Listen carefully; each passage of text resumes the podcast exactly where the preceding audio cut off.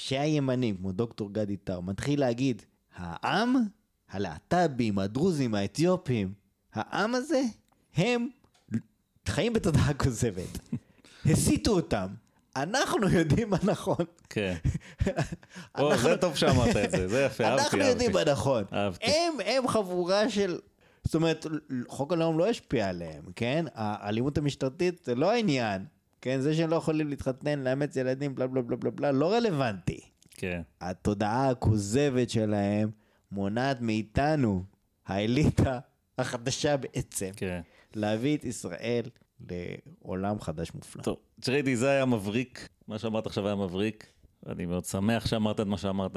הדוקטור טאוב, אנחנו דנים אה, כשעתיים פלוס, אה, כמעט שלוש שעות כבר, זו התוכנית הכי ארוכה שאנחנו עשינו אי פעם. קבל את ברכתנו החמה, וקבל את ברכתנו על אה, עוד משהו, כי ג'ריידי פה בעצם אה, חשף אה, את העניין, אני חושב. אתה האליטה החדשה.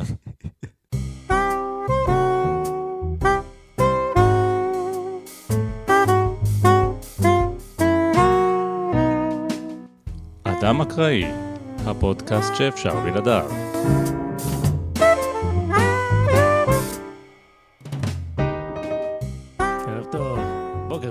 צהריים טובים.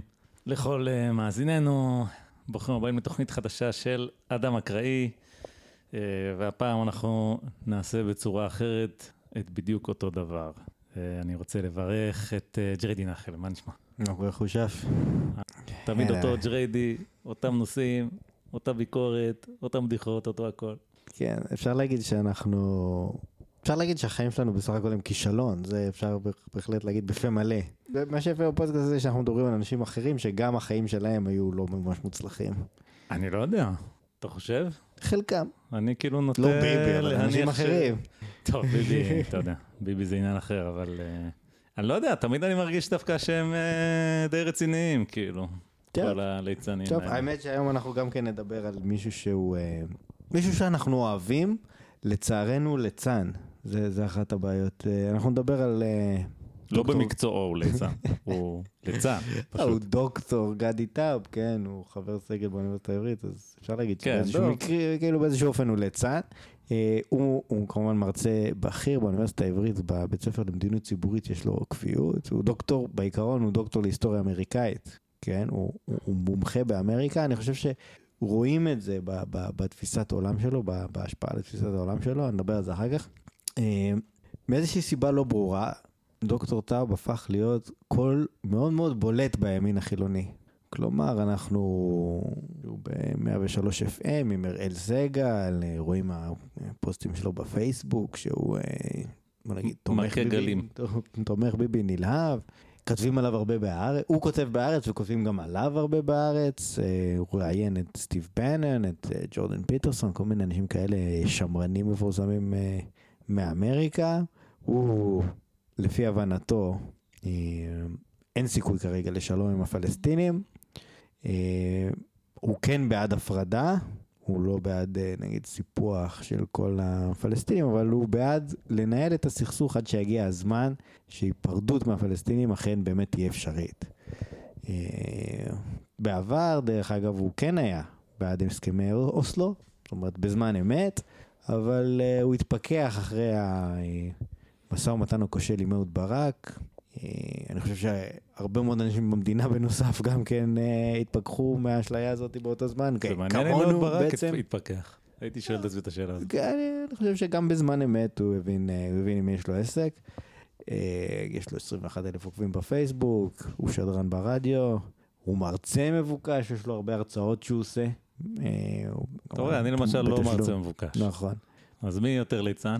אמ, בוא, בוא נסתכל על איזשהו פוסט שהוא כתב בפייסבוק לא מזמן, שנבין בעצם מה, איפה הוא נמצא, ב, בוא נגיד, במריבה הישראלית, אה, בקלחת הישראלית כן, הפוליטית. במחנה ביבי ובמחנה רק כן. לא ביבי, כן?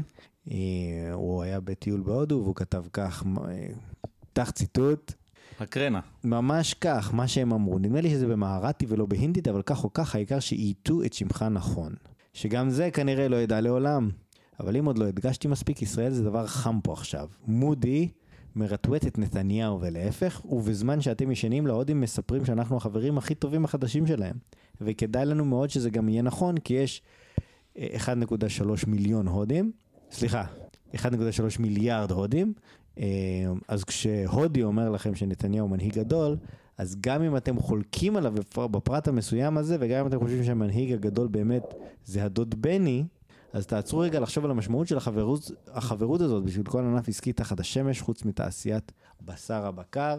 כן, כמו שאנחנו רואים... אה, סגור ציטוט. כן, דוקטור טאוב מתרגש ומשתפך על זה שמאוד אה, אוהבים את נתניהו בהודו, וגם שמודי אוהב את אה, נתניהו, ואפשר להגיד, המטמורפוזה הושלמה מבן אדם שהיה תומך מפלגת העבודה לבן אדם שהוא תומך ליכוד וביבי. אה, אנחנו אוהבים את דוקטור טאוב, זאת אומרת אין לנו בעיה עקרונית, הוא חבר שלנו ממחנה הימין, גם אנחנו ימנים, אין לנו בעיה עם התלונות שלו, אין לנו בעיה עם הטענות שלו. חוץ מדבר אחד. אבל, אבל, לטעמנו, דוקטור טאוב הוא איש חכם, אבל פחות חכם ממה שהוא חושב שהוא. ולפעמים, לדאבוננו, הוא כותב שטויות. יפה. ועכשיו אנחנו ככה נזכור קצת את uh, מלהיטיו האחרונים של הדוקטור טאוב, ונראה שגם אנשים מהימין יכולים uh, לעשות כל מיני דברים, ולא רק אנשים מהשמאל. כן, אחת הבעיות המרכזיות היא, זה קורה גם בשמאל, אבל בשמאל זה צפוי, זה קורה בימין גם, שמחלקים את העולם לאנשי ימין, שהם האנשים החכמים, הרציונליים, שמבינים את תמונת העולם ואת המציאות, לעומת אנשי השמאל, הרשעים וה... ו... אנחנו זוכרים פה ביטויים, והעדריים. זוכרים פה ביטויים אה, לא של הדוקטור טאב, אבל מפרקים קודמים של הפודקאסט, אה, זכור לי את אה, פרוגרסיה חולה, אם אתה זוכר את זה. אני חושב שזה הופיע פעמיים אפילו בפרק הראשון שעשינו, וגם עם הפוסט של גלית אטבריאן. אה, היה את העניין הזה של הפרוגרסיה, וטוב, לא חסר, גם אנחנו לא חסכנו את שבטנו פה מהשמאל, אה, אבל עכשיו אנחנו... לא, אבל בוא נגיד, אוקיי, אנחנו מדברים פה על אה, אנשים שהם בדיוק כמו ימנים, רואים את העולם טיפה אחרת בכל מיני היבטים, אבל... כן, למעשה... הם לא רשעים, הם לא מטומטמים, הם לא עדריים, הם פשוט טועים, זה הכל. וצריך לעשות את ההבדל הזה. כן, למעשה היינו שמחים אם, אה, אם זה לא היה כך. זאת אומרת, גם ב... מהצד של השמאל אנחנו מכירים את זה, גם דנו בזה באריכות,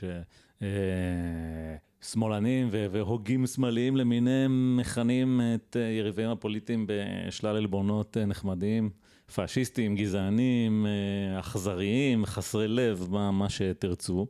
והיינו רוצים שזה לא יהיה כך, כי בסופו של דבר רוב האנשים הם רוצים שיהיה טוב, הם רק אה, לא מסכימים על איך יהיה טוב. אה, והכינויים האלה הם קצת מצמיתים את האפשרות של דיון תרבותי. מצד שני זה כן מאוד אה, מבדר ומשעשע, זה כמו כל דבר בחיים זה איזשהו trade off. טוב, אז בוא תפתח ותראה לנו כן, מה באמתחתו של הדוקטור טאו. לאחרונה היו בחירות, אני לא יודע אם אתה יודע, אם היית מודע לזה, היו בחירות בישראל. אני זוכר, שאלתי אותך למי להצביע. כן? היו אה, שני מערכות בחירות בהפרש של חצי שנה, ובאופן שהוא חצי מפתיע, חצי לא מפתיע. אנחנו כרגע באיזשהו אה, תיקו, שבוא נגיד, זה כמו... תיקו שהוא לצורך העניין ניצחון כביכול לגנץ והפסד לנתניהו, כי פשוט פעם קודמת נתניהו ניצח באופן די ברור, וגנץ הפסיד באופן די ברור, ועכשיו זה עצם העובדה שבכלל יש תיקו, שגנץ לא היה בתמונה, זה, זה, זה קצת, אה, כן, לא, זו החלשות של ביבי, ואני ה... חושב שרואים את זה גם ברטוריקה, גם של אנשים בימין. אני לא, כן. לא יכול לצטט כרגע, כי אני לא זוכר, אבל שמעתי בימים האחרונים דיבורים אה, על ביבי, גם מהצד שלו, שהם כבר לא נאמנות אה, טוטאלית ו... ובלתי מסתייגת, שלדעתי זה מעיד על כך שיש שחיקה במעמדו בתור הקוסם הבלתי מנוצח שמנגב עם כל שאר הפוליטיקאים כן. את הרצפה. טוב, אנחנו עוד נראה מה, מה יצא מכל זה. שזה מעניין למה אנחנו נדבר על זה תכף. אז בכל מקרה, אנחנו פה לדבר על דוקטור טאוב, הוא כתב פוסט. אחרי אה, פרסום אה, תוצאות המדגם. בואו נפתח ציטוט. סיכום ביניים. דווקא יש מנצח ברור לבחירות. הפרקליטות וגרורותיה. לנתניהו היו 70 מנדטים, בקלות אה, בגוש על סמך הישגיו, סליחה. אבל זה לא קרה בגלל שהגוף הכי חזק במדינה, שאין עליו שום ביקורת אפקטיבית משום סוג, החליט לערוף את ראשו. זה הסיפור. על סמך אישומים מעורפלים והיסקים מאולצים, ובסיוע לחץ לא הוגן על ידי מדינה, יחד עם מערך הדלפות שיטתי, מגמתי ומאוד לא חוקי, שנועד להשפיע על דעת הקהל בצמתים קריטיים, כל זה התאפשר בקלות יחסית בזכות כתבי החצר, שהם יותר דוברים מעיתונאים, ורוח גבית משורת פאנלים, שבהם יש מגוון עצום של דעה אחת. התוצאה הייתה, אתה רוצה לעצור כאן? לא, לא, בוא תמשיך, בוא תמשיך. אז אני ממשיך. התוצאה הייתה שחצי מהישראלים משוכנעים שנתניהו גנב ומושחת בלי שבדל מכל זה הוכח, או אפילו נראה בר הוכחה. דיברתי עם אין ספור אנשים שחושבים שברור שנתניהו אשם, אף על פי שרובם לא יודעים במה. כל המערכות האלה, מהפרקליטות, דרך היועצים ועד לבית המשפט העליון שהרחיב את סמכותו לאחרונה לדון גם בחוקי יסוד, יתעצמו עכשיו. השימוש הלא חוקי בהם ייחקר בערך כמו פרשת רות דוד. ומכאן גם צמחה לנו מפלגת כחול לבן שסיפורה פשוט. בראשית הלכה צהלה להרכין ראשה בכניעה בפני רחביה. כן, זה... זה היה... סגור ציטוט בינתיים, נמשיך כן, אחר זה, כך. זה, זאת הייתה פסקה מעניינת מאוד. היו פה כמה דברים מעניינים. קודם כל, שימו לב שהדבר הראשון שמעמיד פה אה, דוקטור טאוב אה, כעובדה, היא שבעצם אילולי הפרקליטות ומערכת המשפט הייתה מנס... כאילו, הייתה הולכת על ראשו של ביבי, הוא היה מנצח בקלות, היה לו 70 מנדטים בגוש, והוא היה מנצח בקלות, ולמעשה אנשים ברחוב, כולם חושבים שנתניהו מושחת, כי זה מה שהפרקליטות גרמה להם לחשוב, ויחד עם, אה, יחד עם התקשורת, בוא נגיד את זה ככה. כן. עכשיו, אני חושב שפה... חלק מהבעיה היא ש... באיזה שלב הפרקליטות הרימה טלפון לליברמן ואמרה לו לעשות את מה שעשה. זה לא לגמרי הבנתי. בוא נגיד פה, מה שקורה זה שדוקטור טאוב, הוא חי. הוא כאילו היה שמאלן תל אביב, הוא הפך להיות ימני שחי בתל אביב, והוא חי בבועה. בבועה הזאת שלו, כולם יודעים מה קורה בכל הפרשיות האלה, תיק אלף, אלפיים, ארבעת אלפים וכל הדברים האלה, כולם רואים טלוויזיה. ומאוד מתעניינים בפרשנים, ומשם הוא מניח שחצי מהישראלים משוכנעים שנתניהו גנב, אני לא ראיתי שום עדות לזה, זאת אומרת, אה, לא ראיתי מחקרים שנעשו על הדבר הזה או משהו כזה, אני לא יודע מאיפה הוא מביא את המספר הזה. חלק, הוא אומר, דיברתי עם אין ספור אנשים, אבל אה, טוב, אני בטוח שהם לא נדגמו אקראית, מה שנקרא. לא, גם לדבר עם אנשים זה לא בדיוק... בסדר, אנחנו כן. חיים את החיים, אבל אם אנחנו אתה... אנחנו מכירים איך זה עובד. הדוקטור מכיר... טאוב, שאתה בן אדם רציני, אז לא יודע, דיברתי עם מספר אנשים ואמרו לי ככה, ועכשיו אה, אני אומר לכם, זה מה ש... זה לכוח ברחוב, אז תלוי באיזה רחוב אתה נמצא. כן, אבל, אבל חוץ מזה יש דבר נוסף. זאת אומרת, בסופו של דבר, אנשים עושים אה, תהליך קוגניטיבי, פסיכולוגי, מאוד מאוד פשוט, שנקרא רציונליזציה. למה הכוונה? נניח, אה, אתה אוהב את... שחקן הכדורגל רונלדו, ומתפרסם שרונלדו אה, תקף מינית אישה. זה מתפרסם בעיתון. אתה מיד אומר, מה, רונלדו? זה לא יכול להיות, היא מנסה להעליל, להעליל עליו כדי לגנוב ממנו כסף. ואילו מישהו שהוא אוהד אה, מסי ושונא רונלדו מאיזושהי סיבה, יגיד, אני ידעתי, יש לו אופי מלוכלך, וככזה הוא בן אדם מלוכלך, וזה בכלל לא מפתיע אותי. עכשיו, זאת אומרת, בוא נגיד, זה מין סוג של הטיית אישור כזאת, כן? כן. אנשים אה, עושים רציונליזציה. אנחנו מכירים את זה גם, אני אתן דוגמה טיפה יותר אה, יבשה משלך, אבל בנושאים שאנחנו דנים בהם כאן לא פעם. בוא נניח, למשל, שמישהו בממשלה החליט אה, לקדם איזו תוכנית של סיוע לילדים בשכונות מצוקה. והתוכנית רצה חמש שנים. טוב, הסתיימה התוכנית, אה, נגיד שמסתכלים על השכונה והמצב הידרדר מעט מאז שהתחילו את התוכנית. אז עכשיו מה? אז אם uh, אתה בן אדם שכמונו נניח, שנטייתו, אנחנו מראש כאילו לא כל כך מאמינים בגישה הזאת שהיא באה מלמעלה, אז אתה תגיד, הנה התוכניות האלה לא עוזרות בכלום. אבל אם אתה מי שהגה את התוכנית, אתה יכול להגיד משהו אחר, תחשבו כמה גרוע היה יותר, אילו לא הייתה את התוכנית הזאת, אנחנו חייבים לא רק להמשיך, כן. אלא להגדיל את התקציב של התוכנית.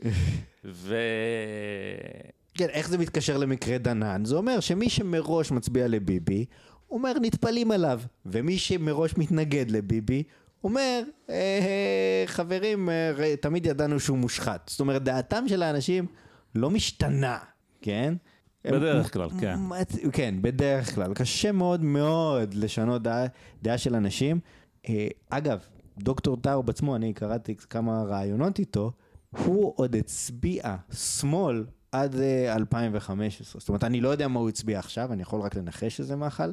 אבל הוא... מה זאת אומרת שמאל? איזה מפלגה? הצביע עבודה, עניינים, כל מיני... לדעתי הוא הצביע עוד לבוז'י הרצוג. אוקיי. ב-2015. אז זה היה הוא. עכשיו אני לא, יודע. אז, אז, אז, אה, זאת אומרת, למרות שהוא הפך לימני, הוא כאילו מכנה את עצמו איש מרכז, לא משנה, היה לו מאוד מאוד קשה לעשות את התהליך הזה של לעבור ובאמת להצביע מחל. עכשיו, אנחנו מדברים על 20 שנה אחרי, זאת אומרת, זה תהליך שלוקח המון המון זמן, זה לא משהו ש, שמשתנה בקלות. זה דבר ראשון. דבר שני, גם אנחנו לא מדברים פה על האשמות, כן? האשמות האלה ש... שהן כנגד ביבי, תיק 1000, תיק 2000, תיק 4000, זה כל מיני פטלטולים ופתלתלויות, אם יש מילים כאלה, של אה, פלפולי אה, חוקים. זה לא שהוא רצח מישהו, כן? יש איזשהו חשד שאולי מישהו דימה בנפש... בנפשו לתת לו סיקור חיובי בשביל זה שלא ייתנו ל... שבזק לא ייתנו לחברות אחרות להעביר כבלים עם סיבים אופטיים בתוך המנהרות שלהם. זה עניינים סבוכים, וכדי להוכיח את זה, להוכיח את זה זה קשה. ו... במובן הזה, אנחנו לא מסכימים מבינים... עם הדוקטור טאב, כן? זאת אומרת, בסופו של דבר, אה, כן, כל ההאשמות האלה שמרחבות מסביב לנתניהו, בינתיים עוד אין בהם ממש לא מבחינתנו. אני לא חושב שהוא מושחת, אבל אני בהחלט לא חושב שיש פה, זאת אומרת, לא יודע מה, אולמרט בכלא והירזון בכלא, זאת אומרת, היו בעבר פוליטיקאים מושחתים, וטוב שמערכת, שהם לא היו מעל החוק. גם במקרה הזה, אני אשמח שהחקירה תמוצה במקרה הזה, ואני בטוח, אישית, אני בטוח ש, שלא יצא מזה הרבה.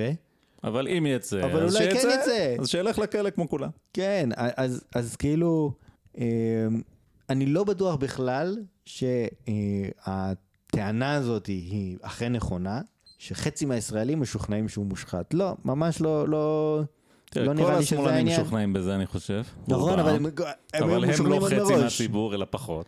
הם היו משוכנעים כבר מראש. אה, טוב, זה כן, זה הבעיה של מה משפיע על מה. כן. הם היו משוכנעים בזה, ואחר כך, כן, טאוב קושר את זה לאויבים שלו בפרקליטות, אבל... לא, אז טאוב, מה הוא אומר? הוא אומר, אם הפרקליטות לא הייתה מגישה, לא הייתה רודפת אותו, אנשים לא היו חושבים שהוא מושחת. אז דוקטור טאוב, אתה טועה. אנשים חשבו שהוא מושחת עוד לפני שהוא נולד, לדעתי. רק עצם זה שהוא במחל. אז אנשים אומרים, אה, הוא במחל, הוא בליכוד, הוא מושחת. זה, זה, ככה אנשים חושבים. זאת אומרת, זה, זה ה... ככה המוח של אנשים עובד. הוא לא במחנה שלי, אה, הוא מושחת. עכשיו... אה, אני יכול להגיד, להעיד על עצמי, שאני לא יודע אם ביבי מושחת או לא. אני לא מתמצא כל כך בפרטים של התיקים כמו ידידי ג'ריידי כאן.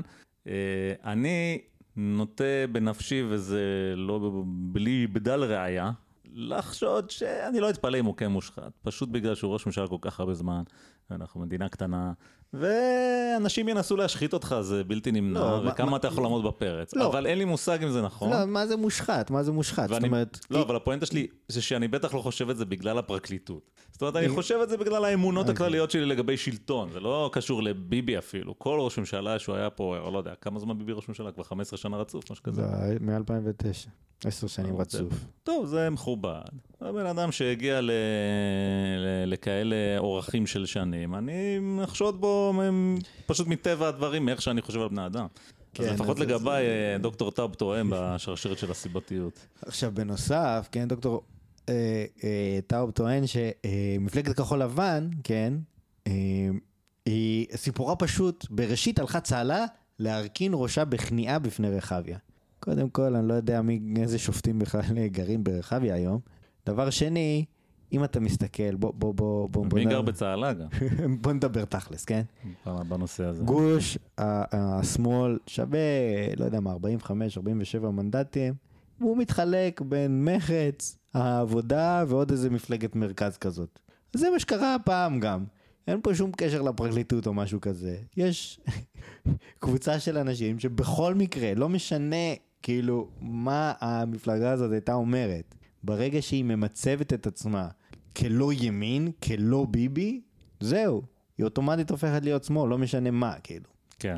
אז, אז עצם זה של להגיד, אוקיי, הקימו מפלגה מתוך רצון, אה, לא יודע מה, להרכין ראש בפני אה, בית המשפט העליון, וזה מה שמושך את האנשים להצביע לה, זה קשקוש מקושקש שלא קשור לשום דבר. נגיד ככה, 40 וכמה מנדטים האלה של השמאל, או של אפילו הלא ימין בארץ, הם צריכים ללכת למישהו. זאת אומרת, בסופו של דבר לא יכול להיות ואקום. אה, ומה שקורה בתהליך שקורה כבר, אני יודע, עשר פלוס שנים במדינה הזאת, לדעתי לפחות, זה שהמפלגה הגדולה של השמאל, שזה מפלגת העבודה, היא ככה, קרנה ירדה, איבדה מזוהרה, ולכן אה, כמות מפלגות אחרות שתופסות את הוואקום הזה, והם המפלגה הגדולה של השמאל.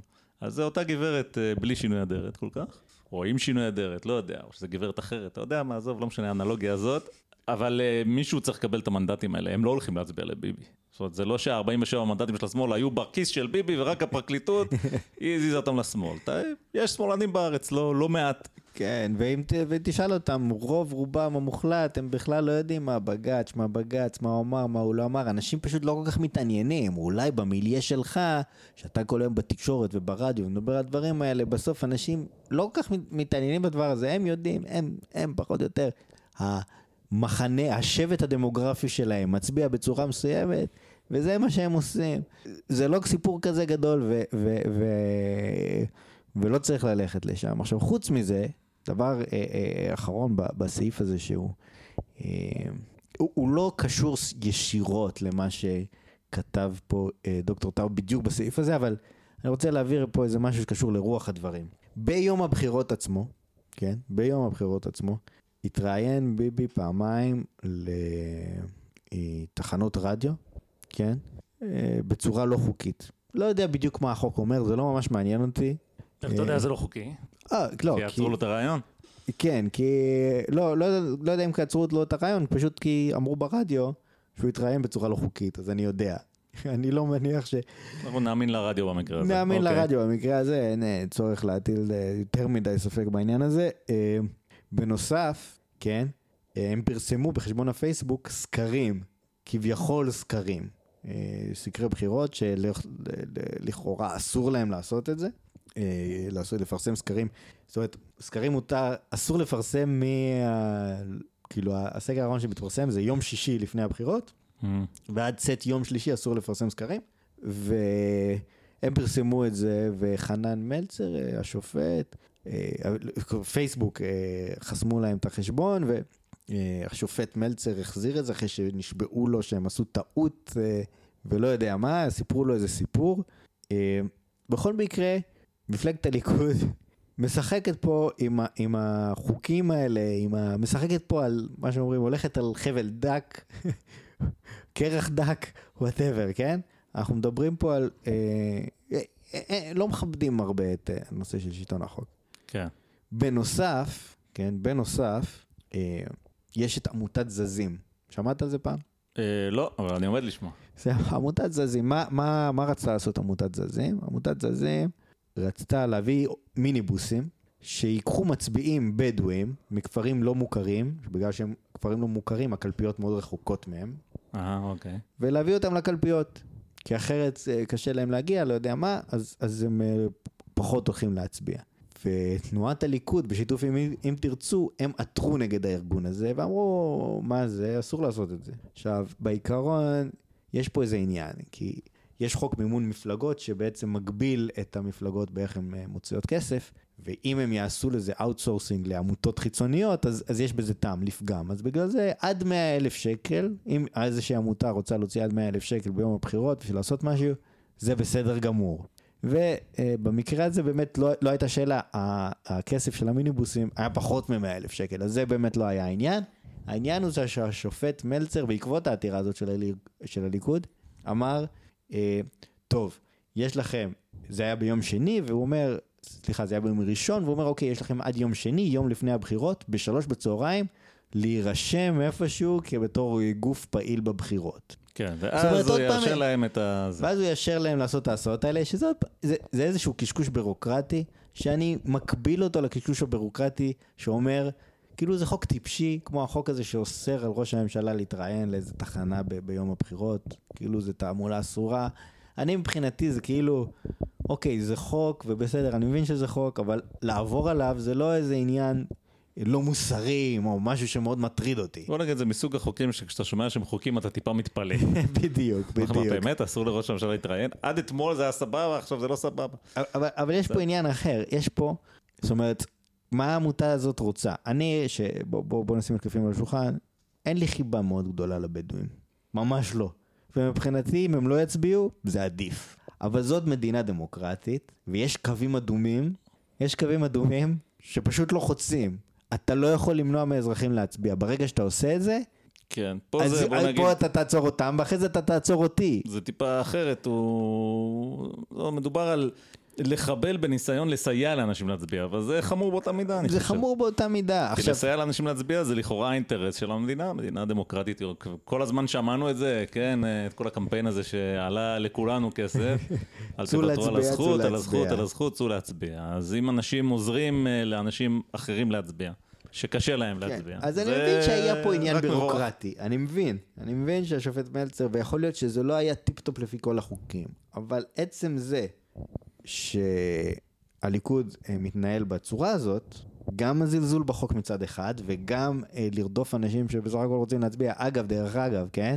בסוף בוטלו ההסעות בתשלום, אבל העמות, העמותה הזאת הוציאה מתנדבים, ובאמת אחוז ההצבעה מאוד עלה בכפרים הלא חוקיים. אז לא, זה לא עזר להם יותר מדי הסיפור הזה, לא עזר כן. מאוד לליכוד, אבל כן יש, אה, אה, הדברים האלה הם כן מעוררים כעס וזעם על, אה, על מפלגת השלטון.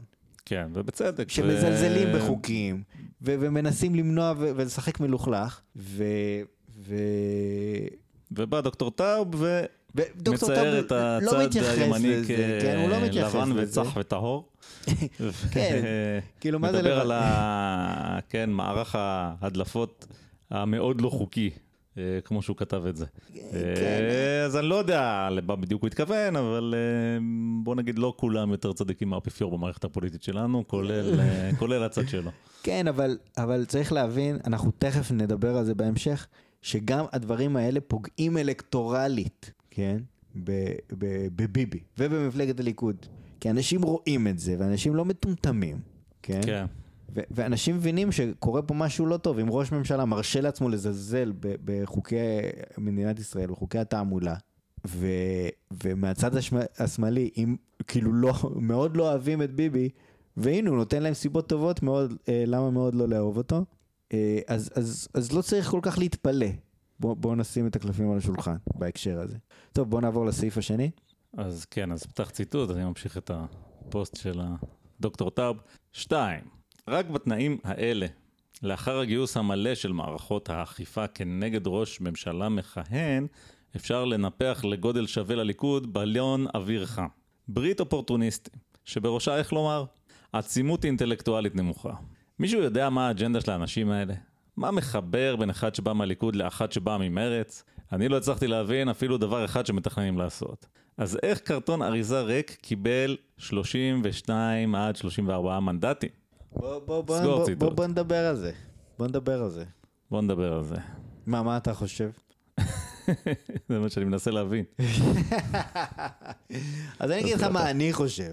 טוב, היה ציטוט שרץ בפייסבוק באותו יום של בחירות.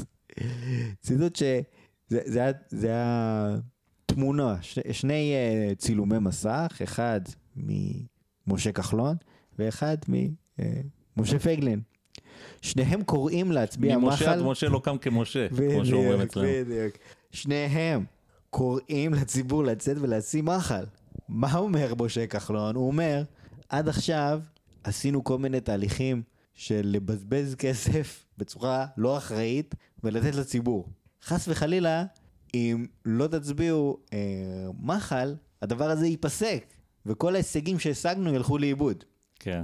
מהצד השני, כותב משה פייגלין, הוא כותב, אוי ואבוי, אתם חייבים להצביע מחל כדי שהליכוד יפסיק את בזבוז הכספים הלא אחראי של הממשלה הקודמת. עכשיו, דחילק, כן? בוא, בוא, בוא נשים את הקלפים על השולחן. כן, אז אני לא יודע לגבי עצימות אינטלקטואלית, אבל לגבי קוהרנטיות של תוכנית, אף לא אחד, לא, בטוח. מישהו יודע מה התוכנית של הליכוד. ליכוד, הם שמים את עצמם כהמפלגה שהם, לא יודע מה, ליברלית כלכלית, וביבי הוא מאוד אה, איש של השוק החופשי, וברשימה, בסדר, היה את פנחס עידן שפרש, אבל עצם זה שהוא נבחר כבר אומר משהו, וחיים כץ, אה, אה, מנהיג איגוד העובדים של, העובדים של התעשייה האווירית, ואנחנו יודעים שהוא אה, בלע את כחלון שבזבז כסף אחרי שכמובן כחלון היה שר האוצר בממשלת ליכוד. ביבי בעצמו, הוא כבר לחץ יד לערפאת, הוא כבר דיבר על אה, שתי מדינות לשני עמים בנאום בר אילן. רק, מצד שני זה ביבי דיבר. נכון, זה יודע. רק אלוהים יודע, ואפילו הוא לא, על מה מדובר פה. בוא הם לא מפרסמים מצע, אין מצע. לכחול לבן יש מצע, אתה ממש אה, מוטרד מהרעיונות של כחול לבן? לך תקרא. יש מצע, אין מקשקשים כל מצע? מיני... אין, הם לא מפרסמים כבר הבנתי. מ-2015. ביבי אומר, למה שאני אפרסם מצע? רק יתקפו אותי. כן. זה לא יביא לי קולות, כי גם ככה כולם אה, מצביעים אוטומטית, אז זה סתם טיפשי. תראה, לליכוד אולי אין מצב, אבל יש אה, מסמך אחר שנקרא חוקת הליכוד, אה, ואם ככה קראתי, זה לא מסמך מאוד ארוך. נכנסתי קצת, לא קראתי הכל, אבל ככה, יש מין הצהרת עקרונות כזאת בהתחלה. אה, אז למשל, הם אה, בעד שוק חופשי, סעיף ז' בחוקת הליכוד מדבר על שוק חופשי, אבל הנה בא כחלון. כחלון זה, כן, וכחלון כשמו כן הוא, הוא לקח לנו ונתן לאחרים, כן, זה לא כל כך שוק חופשי. אה, מה עוד יש שם? אה, דיברת על אה, חיים כץ, כן, שיש שם עוד כמה ראשי ועדים, אם אני לא טועה, ואם כן. הם לא בליכוד, אז אמרתי, פנחס עידן, אבל הוא. פרש כי אמרו לו. אמרו לו. דיברנו על זה בפודקאסט כן, קודם. כן, כן, כן, אמרו לו, והוא הבין, בניגוד לשיר שאמרו לו. וסעיף אה, ח' בחוקת הליכוד, טיפוח וקידום ערי הפיתוח ושכונות מצוקה.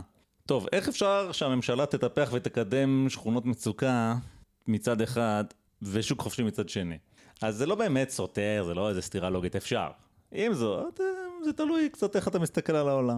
אה, אה, אם, כש, כשאתה חושב על זה, זה- כן? זה כש- טיפה לא קוהרנטי. לא, כשאתה אתה מנסה להבין תכלס מה הולכים לעשות, אז אין לך שום סיכוי להבין, אתה לא יכול. כן. זאת אומרת, זה לא שאלה, אתה לא יודע אם הולכים לפזר פה כסף או לא. וזה הקראנצ'ר, סעיף ו' בחוקת הליכוד, שילוב אוכלוסיית המיעוטים במדינה ובתנועה.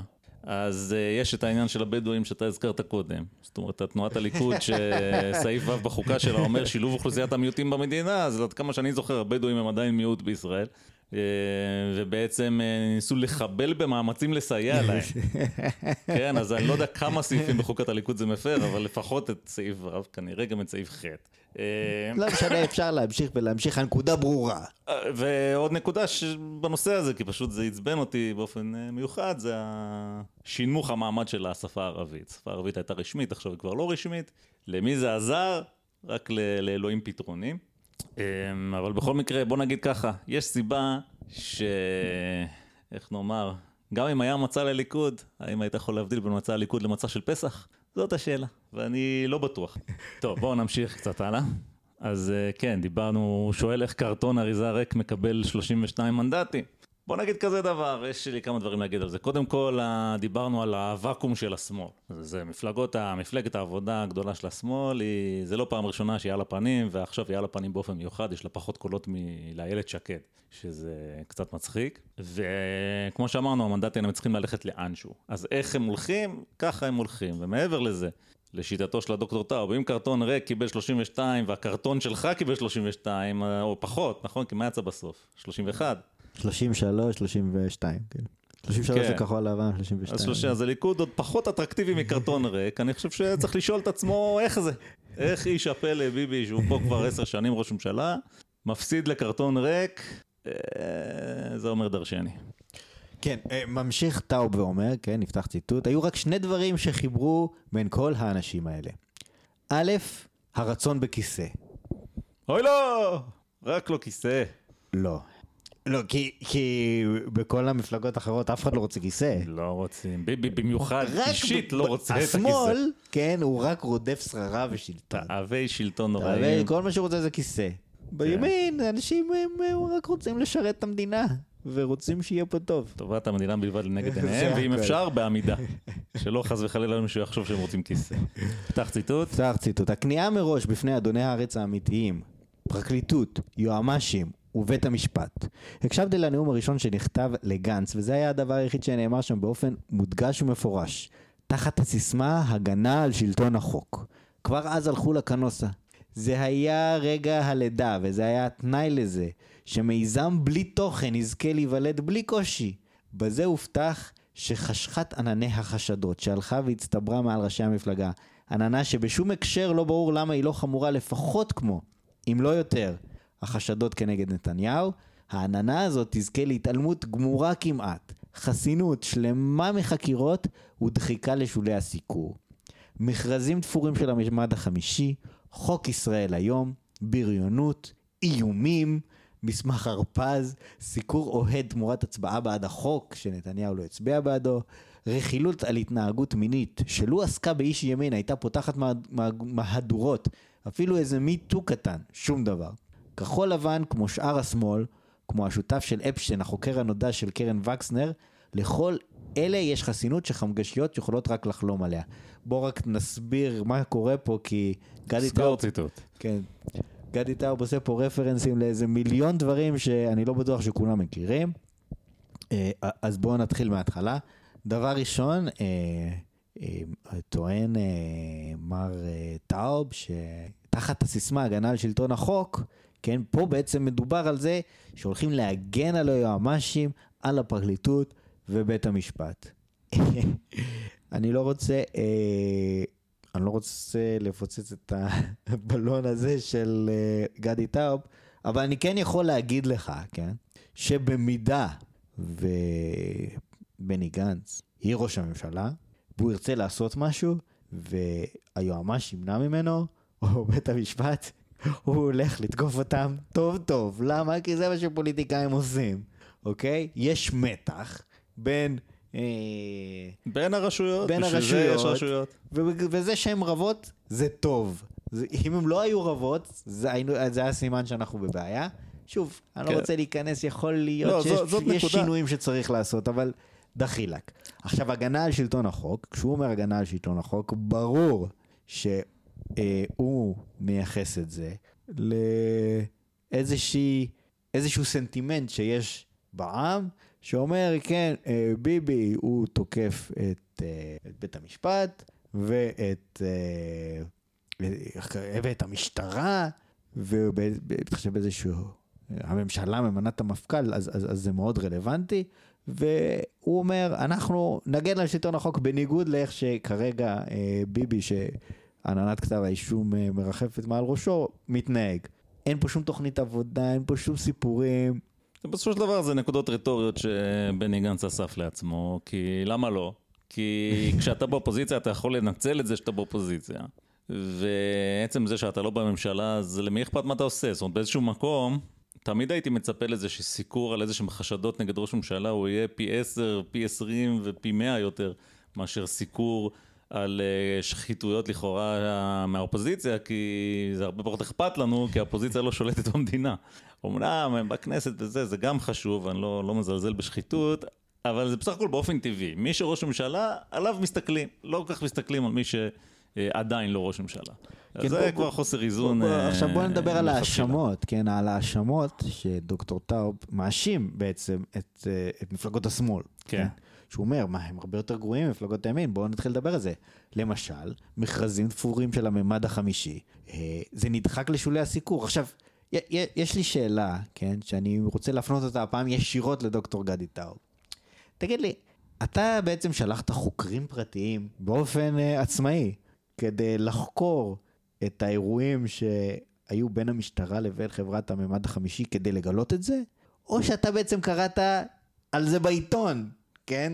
כן, זה במרכז באמת הסיקור. שאלה ששאלתי את עצמי. זאת אומרת, עצם זה שאתה יודע על זה, רק מראה לך שהעניין הזה נסקר ואין שום בעיה, תעשה חיפוש בגוגל, מזה, הממד יותר החמישי, מזה. אתה תמצא את כל המידע שאתה רוצה למצוא על זה. הרבה יותר מזה. מכיוון שלא זאת בלבד שדוקטור טאוב מודע לעניין הזה של הממד החמישי, אלא שהוא כותב את זה בפוסט שלו, זאת אומרת, הוא, והוא לא הסביר, הוא לא סיפר מה זה הממד החמישי, הוא לא נתן לינק למה זה הממד החמישי, זאת אומרת, הוא הניח שציבור הקוראים שלו יודע על מה מדובר. אז אם זה כל כך בשולי הסיקור, אז איך זה שכולם יודעים? זה בעצם השאלה שאני רוצה לשאול אותה. בדיוק, בדיוק. אז, אז בואו נספר קצת על מה, מה זה הסיפור של המעמד החמישי. המעמד החמישי זה איזושהי חברה ביטחונית לצורך העניין. יש להם איזה מוצר ביטחוני כלשהו, אני לא יודע מהו. פשוט מעבירים אותך לממד החמישי ואז אתה בטוח לחלוטין. ויפה. שם אף אחד לא יכול לתקוף אותך. והרמטכ"ל לשעבר בני גנץ היה בדירקטוריון, אה, בתור אחד שהוא, יש לו עבר ביטחוני, והוא אה, יודע, יכול לייעץ, יכול עשה שם לביתו, יעזור עם. הקשרים שלו וכל מיני דברים כאלה. החברה פשטה את הרגל, בסופו של דבר. אה, מה שקרה זה או כאלה אבל- מין מושחתים אני אוהב, שפושטים את הרגל. שהמפכ"ל, כן, המפכ"ל רצה לקנות ב-50 מיליון דולר או שקל, לא זוכר, אה, את המוצר של הממד החמישי. ורצה ש... ש... לקנות את זה בלי מכרז בעצם, את המוצר הזה, לתת להם פטור ממכרז. אה, מה שקרה זה ש... אה, אה, לא יודע מה, איזשהו יועץ משפטי במשטרה, כן, האחראי על הביקורת, whatever, אמר לו, תשמע, אתה לא יכול, אסור לך, אתה יכול בלי מכרז לקנות משהו רק עד 5 מיליון, וזה מה שהוא עשה. אה, אז להגיד מכרזים תפורים של המשמעת החמישי, מדובר פה על מכרז אחד, שהכל נעשה בו לפי החוק לצורך לא, העניין, אומר בשקיפות שלא היה- מלאה. לא היה מכרז בסופו של דבר. לא, לא היה מכרז, אבל... כן, אבל במסגרת אבל הוא התקנות קנה בחמש והחוק. מיליון, כן, הכל היה במסגרת התקנות זה והחוק. מס- מכרז שתפר אותו רוצלי גוצלי. קצת גם לא ברור כאילו איך קשור פה בני גנץ ואיזה אשמה אפשר להטיל עליו, כן? מה הוא עשה? כן, זה מה שנקרא by association. ראיתי שבני גנץ עבר ליד אה, חנות שהיא מלבנת כספים ידועה. הוא היה שם, והוא אפילו החליף כמה מילים עם המוכר וקנה איזה חטיף בפיצוצייה, וכן, והמשיך בדרכו, ועל זה לא מדברים. זה בשולי הסיקור. זה ממש כן, הסיכור. בערך, עכשיו, אה, אני, זה. כן, אני רק רוצה להגיד שיכול להיות שבני גנץ הוא אדם מושחת והוא פושע. יכול להיות. אני לא... אה, אין לי, אין לי עניין אישי איתו, כן? כן, יכול להיות יכול שהוא גם להיות, חי לא זר עשיתי שום מגלקסיה. אחרת. גם את זה אנחנו לא, אתה לא כן. מוכיח לי שזה לא בוא, נכון. בוא, בוא, אבל אתה יודע שאנחנו אומרים, אנחנו לא נגד, כן, לרדת על, אה, אה, אה, על בני גנץ, אנחנו בסבבה. אנחנו אבל- רק אבל מחכים בוא- שראש ממשלה ומיד נתחיל לרדת עליו כסח. אבל בוא, בוא, בוא, בוא כאילו נדבר לעניין, אוקיי? כאילו לא נקשקש, אני מבקש. עכשיו דבר שני, חוק ישראל היום, כן? או, קודם כל, חוק ישראל היום לא עבר. אז על מה אנחנו מדברים פה, כן? על זה שהוא לא עבר, וזו שחיתות נוראית שהוא לא עבר, וזה נדחק לשולי הסיקור שהוא לא עבר. נכון. אז, אז כאילו, דחילק, מה, מה אתה רוצה? אתה רק כתבת חוק ישראל היום, אבל למה אתה בדיוק מתכוון? שלא לדבר על זה, שלא בני גנץ, בני גנץ לא היה בכנסת בתקופה הזאת, כן? הוא היה. בישראל ולא יום. לדבר אז- על זה, כן? לא לדבר, שממש לאחרונה, כן? מר אה, אשתו של שלדון אדלסון, כן? לא זוכר את שמה, מרים אדלסון יכול להיות. היא אמרה, היא צוטטה כי אומרת ששרה נתניהו משוגעת לחלוטין. עכשיו, שלדון, כן, שלדון אדלסון הוא כאילו המממן העיקרי של אה, עיתון ישראל היום, וכאילו עיתון ישראל היום זה ידוע בתור העיתון של ביבי. כן. עכשיו, אה, כל מיני דברים קורים פה, אוקיי? אז כאילו איך קשור פה ישראל היום, אוקיי? איך קשור פה החוק ישראל היום? איך זה קשור לגנץ רוצה? באופן ספציפי? זה בכלל לא לא, הבנתי. לא, לא ברור לי. או לשמאל לא בכלל. לא ברור לי מה רוצה. כל הפרשייה לא, הזאת, בין אם יש בה ממש ובין אם אין, כן, מה הפרשייה פה? רצו להעביר חוק נגד ישראל היום, זה נפל, גמרנו, מה אתה רוצה? לא, מה אתה גם- גם רוצה? כל הפרשייה הזאת היא כאילו יותר בצד של ביבי. למה, איך זה. ב- לא יודע, אני לא מבין מה הוא רוצה. כן, אולי הוא מבין מה הוא רוצה. אולי הוא התבלבל. כן? קורא לכולם. אבל כאילו, כן, מה, הוא, מה, מה קורה פה? כאילו הוא נלחם באיזה דמות שלא ברור אם היא קיימת, לא קיימת. אני אגיד לך מה, אני לא יודע אם היא רוצה- קיימת, לא, אבל באמת. היא- היא אני- בשולי הסיקור. כאילו, אני אנחנו. אנחנו, אני מחזיר את זה לנושא של הפודקאסט. אתה רוצה לדבר ימין? בוא תדבר על מה התוכנית המדינית, על מה התוכנית הכלכלית, איזה סיבות טובות יש לי להצביע ימין, ולא להגיד כל מיני משפטים סתומים על היריב שלא אומרים שום דבר. ולא עושה רושם גם שלא קשורים ליריב. זה- לא רק, אני לא יודע, בעיניי העניין של ישראל היום ממש, שזה היה לא חידה. בעיניי, לא הבנתי, הוא אומר מסמך הרפז. בריונות, אה, איומים. איזה בריונות ואיזה איומים, על מה אתה מדבר? זאת אומרת, מה? מסמך הרפז, מסמך הרפז, כל הפרטים באמת לא חשובים. איכשהו זה מישהו שהיה מקורב לגבי אשכנזי, גבי אשכנזי לא אשם ולא הורשע בכלום. אוקיי, אני לא שמעתי על זה, מה זה, אתה יודע מה זה הרפז? זה איזשהו סיפור שהיה בחור בשם אה, בועז הרפז נדמה לי, שהוא מקורב לגבי אשכנזי, והוא אה, אה, פרסם אה, איזשהו מסמך מזויף. אני לא יודע בדיוק מה היה בו, המסמך המזויף הזה. זאת אומרת, זכרתי פעם, אבל כבר שכחתי, כי המוח שלי מלא בשטויות, אבל לא צריך להגזים. אני רק זוכר שאשתו של גבי אשכנזי, היא עשו לה פוליגרף, והיא יצאה דוברת אמת, שהיא לא ידעה מכל העניין הזה של הזיוף. מעבר לזה, אני לא יודע, אני גם לא יודע מה בדיקת פוליגרף שווה. אני לא כל כך מבין את מה- מה קשור פה מסמך הרפז. חוץ מזה, שוב, כמו העניין של הממד החמישי, אתה מצפה שכולם ידעו ויכירו מה זה מסמך הרפז, כי זה כזה ברור שכל העולם ואחותו דיבר עליו, דחילק. כן. טוב, בוא נמשיך. סיקור אוהד תמורת הצבעה בעד חוק, אני, אין לי שמץ של מושג על... לא, לא, אין לי מושג למה הוא מתייחס פה, זה משפט סתום לחלוטין מבחינתי. מה כן. שאני כן יכול להגיד, מה שאני כן יכול להגיד, שלביבי נתניהו יש עיתון, יש עיתון, העיתון הכי נפוץ בישראל, הוא רק סיקור חיובי על ביבי. אז בואו נתקדם. אוקיי, רכילות על התנהגות מינית שלו, שלו עסקה באיש ימין הייתה פותחת מהדורות, מה שקרה, זה סיפור מאוד מעניין. היה איזשהו פרופיל פייסבוק של איזה מישהי מארצות הברית, היא גרה הברית היום. אוקיי. והיא בעבר הייתה ידועה כתומכת ביבי אה, שרופה, והיא אמרה שבני גנץ, שהם היו ביחד בתיכון, היו באיזה תיכון חקלאי, משהו כזה, או בקיבוץ, whatever, והוא חשף את עצמו בפניה ברפת, משהו כזה.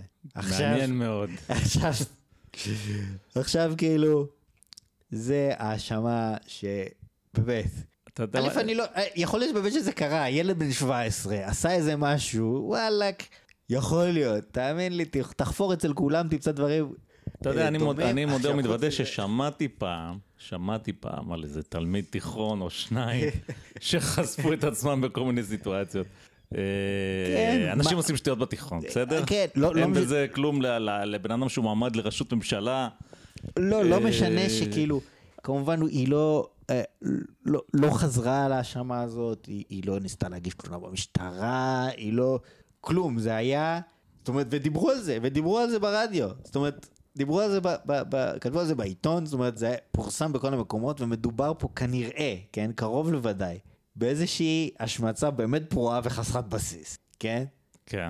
כי... אבל גם, בחייאת. גם עם בסיס. וגם עם בסיס, ואם זה כאילו, קרה, בחייאת. אה, ילד בתיכון זה היה מזמן, אה, הוא עבר חיים שלמים מאז, זה בן אדם אחר לגמרי, ואנחנו לא כל כך דומים למי שהיינו בתיכון, נכון? כן, הרי יש הבדלים. אנחנו מכירים את הסיפור הזה ש...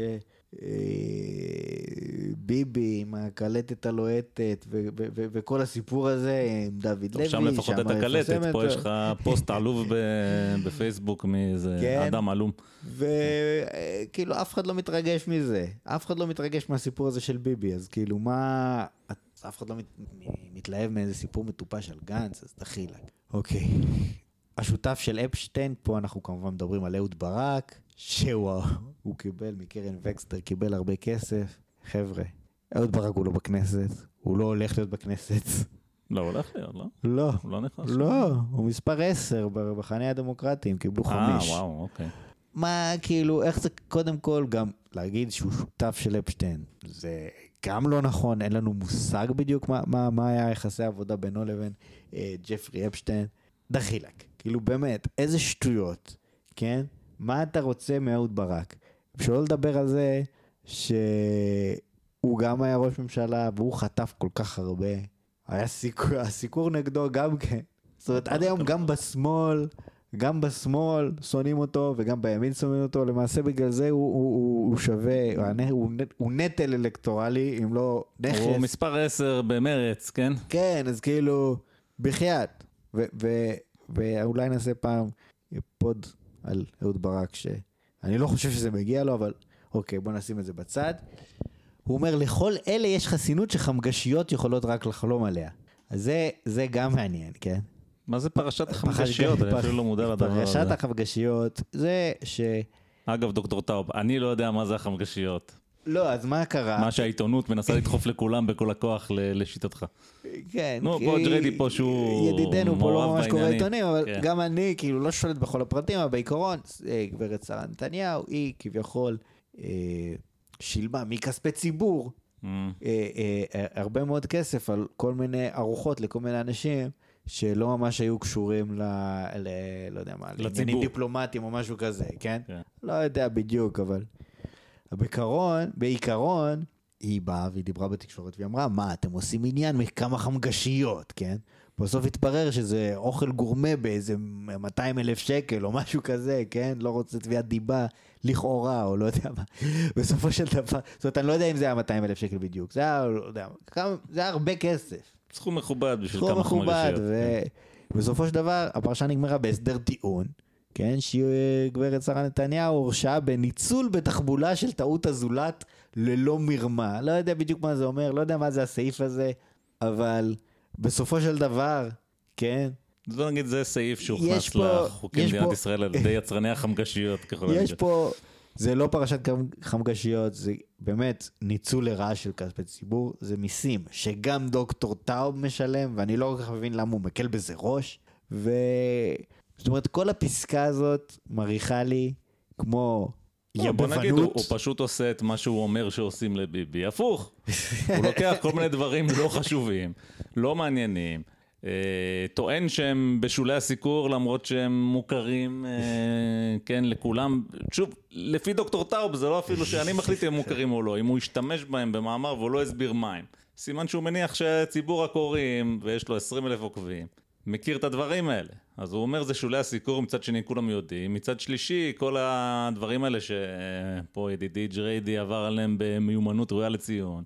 דברים אה, קטנים כאלה, זאת אומרת, אם זה היה הפוך, אם היו טופלים על ביבי את הדברים האלה, אז הוא היה אומר, מנפחים, עושים בלון מכל שטות ואני לא יודע מה, והוא פשוט עושה את אותו דבר אה, לצד השני. כן, אז... אה, עכשיו בוא, בוא נדבר בוא קצת על, נמשיך. על אדוני הארץ. כן, בוא נמשיך. האמיתיים, אנחנו הקראנו לא, לא את זה, נכון? לא, לא לא הקראנו. הקראנו, אז פתח ציטוט. כל מה שצריך היה כדי שהבלון הפורח ימריא על אוויר חם ולהבטיח לאדוני הארץ האמיתיים שלא יפריעו את שנת הצהריים שלהם. נגן על שלטון החוק, כלומר, על מעמדם של אוכפי החוק, מעל החוק. זה היה הדיל, ועכשיו אי אפשר יהיה לשבור אותו. זו קונסולידציה של כוח המדינה בידי פקידיה, שתוכל עכשיו להמשיך בזמן שאתם תצפו בבובות של פוליטיקאים משתתפות במחזה הסחת דעת בקדמת הבמה. סגור ציטוט. טוב, אז מה יש לנו להגיד על זה, ג'ריידי נחל? אדוני הארץ זה מי? טוב, בוא בוא נדבר תכלס, כן? אוי, הגיע הזמן. בוא נדבר. תכלס, כי עד עכשיו לא דיברנו תכלס. דיברנו אנחנו סחור סחור. תשמע, זה היה רק יש המשחק המקדים, משפט. נכון? יש יש בג"ץ, נכון? איווה. יש בג"ץ. עכשיו, אם אתה מסתכל, התנחלויות יש במדינה? אומרים שכן, למרות שזה בשולי הסיקור. זה בשולי הסיקור, כן, יש התנחלויות, או נכון? בלי סוף. לפעמים פה שם יש כל מיני סיפורים שהם צריכים לזוז 150 מטר, 200 מטר, והם הופכים את כל המדינה, אבל באופן עקרוני יש התנחלויות. כן. אה, מתוך 60 אלף המסתננים הבלתי חוקיים שנכנסו אה, למדינת ישראל, העיפו כבר כאיזה 30 אלף, עם בג"ץ. מהמם. אה, לא יודע, יש לך עוד אה, בוא דוגמאות לא לזה? נשכח את המשמרת של... אה, באיזה משמרת הם נכנסו למדינה הזאת, כן? במשמרת של ביבי. אה, כן, לא משנה, הם נכנסו גם קצת לפני, אבל ביבי כאילו עצר את הגדר, אנחנו מפרגנים לו על זה, כל הכבוד, אבל דחילק, כן? מה זה אדוני הארץ האמיתיים? למעשה, אני אגיד לך מי זה אדוני הארץ. למעשה, או. כן? למעשה, מה שקורה פה זה שהממשלה, בא ביבי, וביבי לא רוצה לעשות משהו. אז מה הוא יגיד? הוא אומר, טוב, אני לא יכול, בג"ץ לא נותן לי, ארגוני השמאל לא נותנים לי. למעשה, זה הגיע למצב שהיה איזשהו הסכם עם להעביר אה, מסתננים לרואנדה או משהו כזה, וביבי פרסם פוסט בפייסבוק שארגוני הקרן החדשה או משהו כזה, הם דיברו עם רואנדה ואמרו לה לדחות את ההסכם. מהמם. כל מיני סיפורים שהם מצוצים מהאצבע, וכל מיני דברים שמטרתם היא להסיט את האש מביבי, אוקיי? כי ביבי הוא פוליטיקאי חכם. אני לא מתלונן, דרך אגב, על, על השיטה הזאת שלו. אני מפרגן לו. הוא פוליטיקאי חכם, והוא יודע שהוא רוצה להמשיך להצטייר כימין, והוא אומר, כל הדברים הימניים האלה שאני רציתי לעשות ולא נתנו לי, מה אני יכול לעשות? זה בג"ץ, זה הקרן, זה ג'ורג' סורוס. זה התקשורת, זה זה, ארגוני השמאל שעותרים לבג"ץ וכן הלאה כן, וכן אין. לי, בעצם, אין- אין לי יכולת אה, להתמודד עם זה. אני בעצם כלומניק, אני חייב דין וחשבון לאדוני הארץ האמיתיים. עכשיו, אדוני הארץ האמיתיים זה מי? הוא פירט את זה קודם, ב- כן, כמובן, הקודם. הפרקליטות. הפרקליטות, היועמ"שים, יש יותר מאחד, טוב, ובית המשפט. שלא לדבר על מנדלבליט, זה שהוא היועץ עכשיו, זה מינוי של ביבי, והמפכ"ל אלשיך זה מינוי של ביבי, וביבי כבר עשר שנים בראשות הממשלה. האם, אני אשאל אותך שאלה, היה האם יש. אדם אחד במדינה הזאת, פרקליט שהוא חבר בפרקליטות, או שהוא היועמ"ש או מי מטעמו, אה, או שמי היה הגוף השלישי, או, או שופט בבית המשפט. אני אשאל אותך שאלה שאני יכול לשאול כל בן אדם ברחוב. האם מישהו מהאנשים האלה הוא יותר אדון הארץ מביבי? אין דבר כזה. בשום אופן.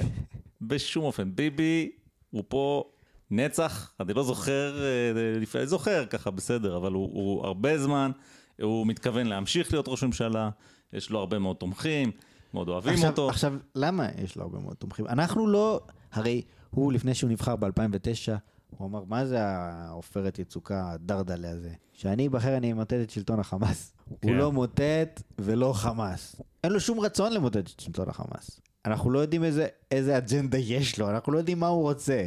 ובכל. זאת כולם רוצים להצביע ביבי. לא, כמובן, הוא מנהל את המערכה נגד איראן, כן? כי, כי, כי זה מה שהוא עושה. אני, אני לא מזלזל בזה, כאילו, אני אוהב את ביבי, אבל דחילה, כאילו, יש לו גם, אה, בוא נגיד, כל מיני חסרונות שאני לא בטוח שהם מה שיפה אצל ביבי, רלוונטיים. חסרונותיו הם גם היתרונות שלו. כי נכון. ביבי לא מתבלבל. אני אמוטט את שלטון החמאס. הוא הרי אמר, תוך כדי שהוא אמר, הוא ידע שהוא לא הולך לעשות את זה. לפני שהוא אמר, הוא ידע שהוא לא הולך, וגם אחרי שהוא אמר. אבל הוא ממשיך להגיד. נכון. אז- ואנשים אחרים כן מתבלבלים. אז, אז, אז בואו נדבר, כן? כן. כל השטויות האלה של דוקטור טאוב, אה, זה פשוט לא נכון. לא רק שזה זה לא נכון, הוא לא מביא שום עדות לזה. הוא לא... זאת אומרת, זה נכון, אנחנו הסברנו כרגע בסיבה, בצורה לוגית למה זה לא נכון. עכשיו חוץ, למה אנשים מצביעים לביבי? למה, למה, למה כולם אוהבים את ביבי? לא, כולם אוהבים את ביבי כי יחסית, כן, אין פיגועים, ויחסית המצב הביטחוני הוא טוב, ויחסית המצב הכלכלי הוא סביר, כן? אנשים אומרים, וואלה, הכל טוב, אני מצביע ביבי. או בוא נגיד גם אנשים שמתלוננים על המצב הביטחוני, כי יש פה בעיות, כן? זה לא שנפתרו כל הבעיות. הם עדיין, וזאת העובדה, ורואים את זה בתוצאות של הבחירות. אתה יודע, בסדר, אז אולי ביבי לא... אפשר להתווכח. האם אה, טרור הטילים מעזה הוא כישלון של ביבי או הצלחה של ביבי, מבחינת הרמה שבה הוא נמשך. אבל מה שבטוח הוא שהמון אנשים מאוד, גם אם הם לא כל כך מרוצים מביבי, הם סופר מפחדים מלהצביע לשמאל, כי, כי אנשים זוכרים. כי מישהו לא מאוד צעיר, זוכר את הימים שהשמאל היה בשלטון, וכמה הרוגים היו לנו אז, ואיזה סוג של הרוגים היו לנו אז. אה, וזה היה מזעזע, ודיברנו כאן בפרק שלנו על ביבי, על, אה, על העניין הזה. אז אה, שייקח כמה חמגש, חמגשיות שהוא רוצה, כן, אם האוטובוסים לא מתפוצצים, אז אנחנו מבסוטים. למרות שגם לנו יש ביקורת. עכשיו, מה שעוד מפריע לי פה בפסקה הזאת של הדוקטור טאוב, זה קצת, זה דברים שדיברנו עליהם בהקשרים אחרים, אה, אבל תראה את הקונספירטיביות. כן, אני כן מקריא שוב את אותו משפט, קונסולידציה של כוח המדינה בידי פקידיה. ה deep state, deep state. deep state, שתוכל עכשיו ל... להמשיך בזמן שאתם תצפו בבובות של פוליטיקאים משתתפות במחזה הסחת דעת. זאת אומרת, מה הוא חושב? הרי שמדינה תהפוך אה, את הפוליטיקאים שלה לבובות על חוט, זה לא משהו שקורה ביום. אז יש אחד משניים, או שהם לא בובות על חוט, ואם בני גנץ אה, יקים ממשלה הוא לא יהיה בובה על חוט. או שהם בובות על חוט כבר עכשיו, ואז ביבי שמסתובב בהודו יש איזה פקיד בכיר שמושך בחוטים שלו. חייב לבחור. כי האפשרות השלישית, שהיא לא בלתי אפשרית, היא שאנחנו בתהליך שהם הופכים להיות בובות על חוט, ואז שוב, זה לא קרה עדיין. אז אה, בוא נגיד שוב, אני- כן. מישהו מאמין שביבי לא מנהל פה את העניינים? אני, אני חושב שהוא מנהל את העניינים.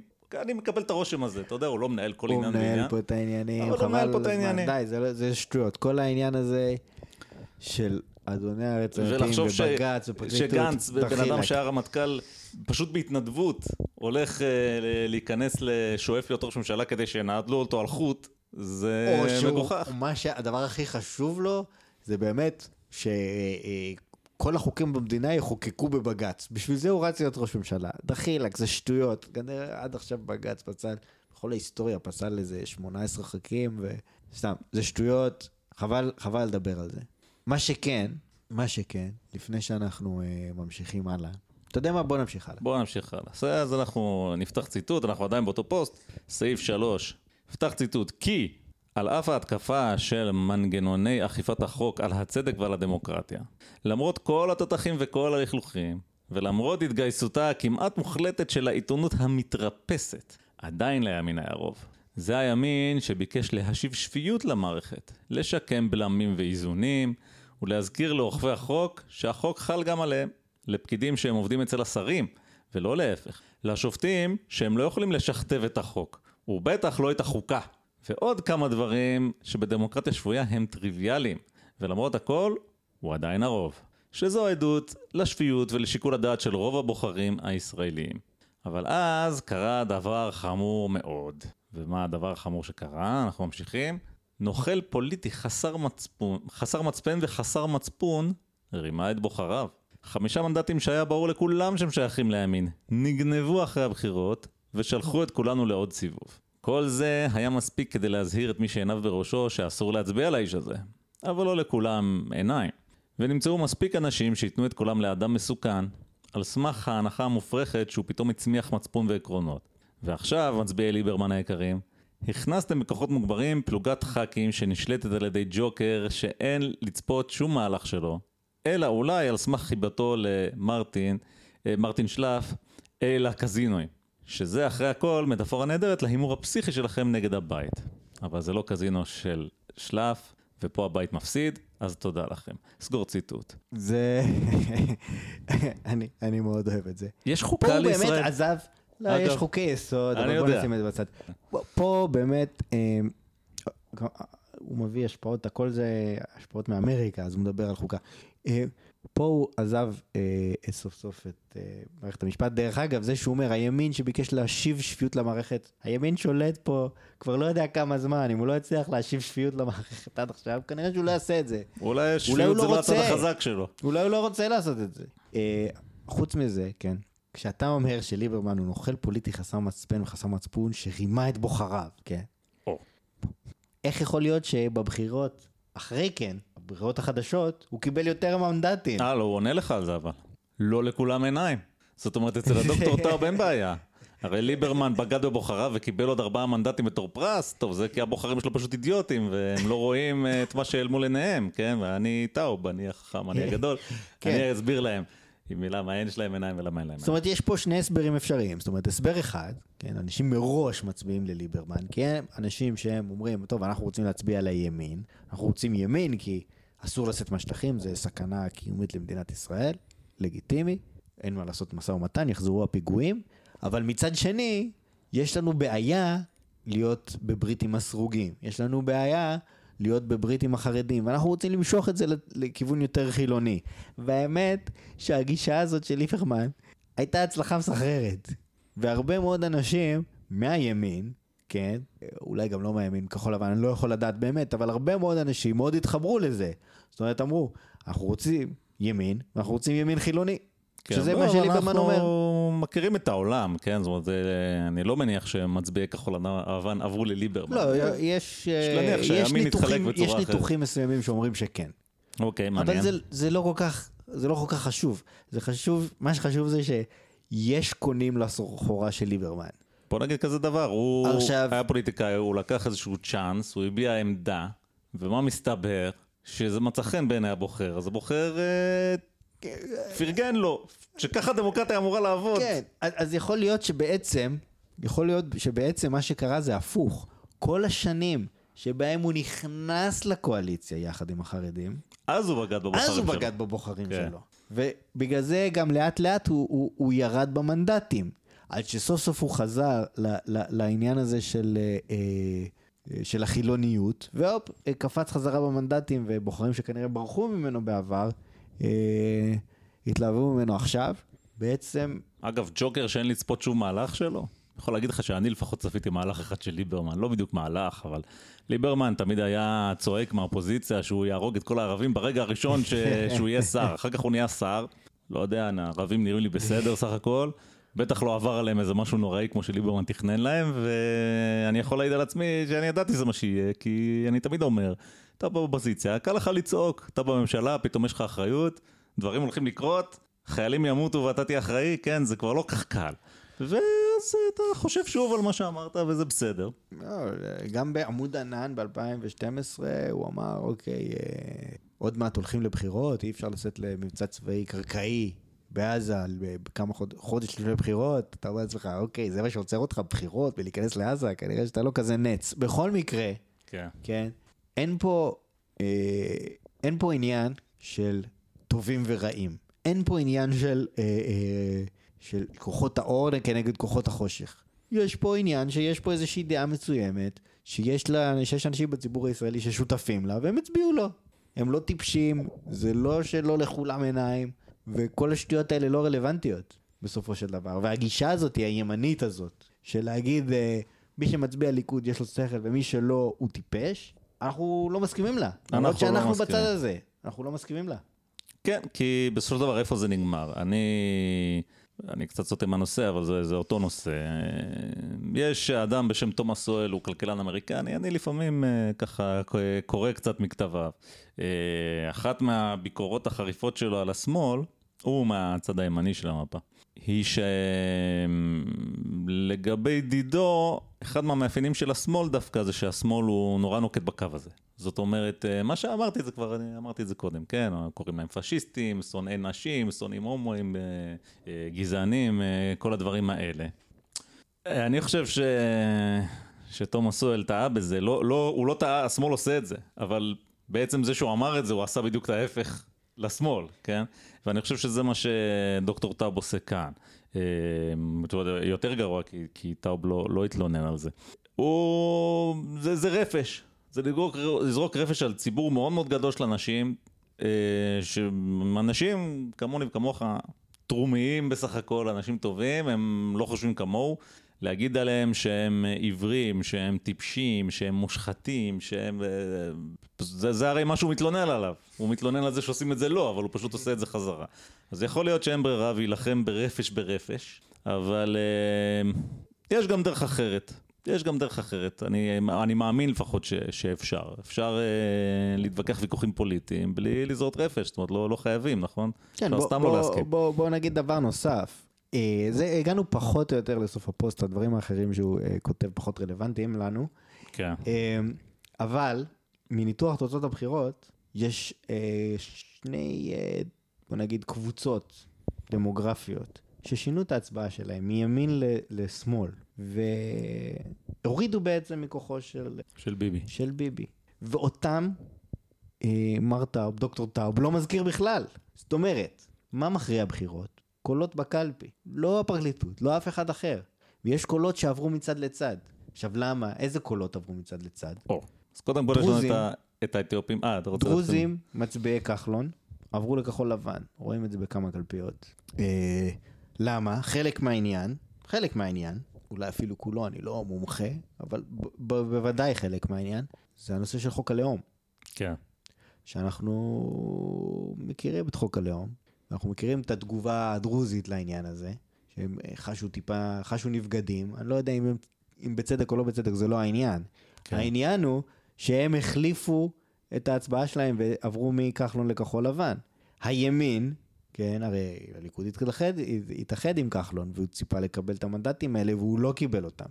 כן. בעקבות לא הפרקליטות ולא כתבות בערוץ 2, אלא בעקבות מה חוק שהימין עשה. שהימין העביר.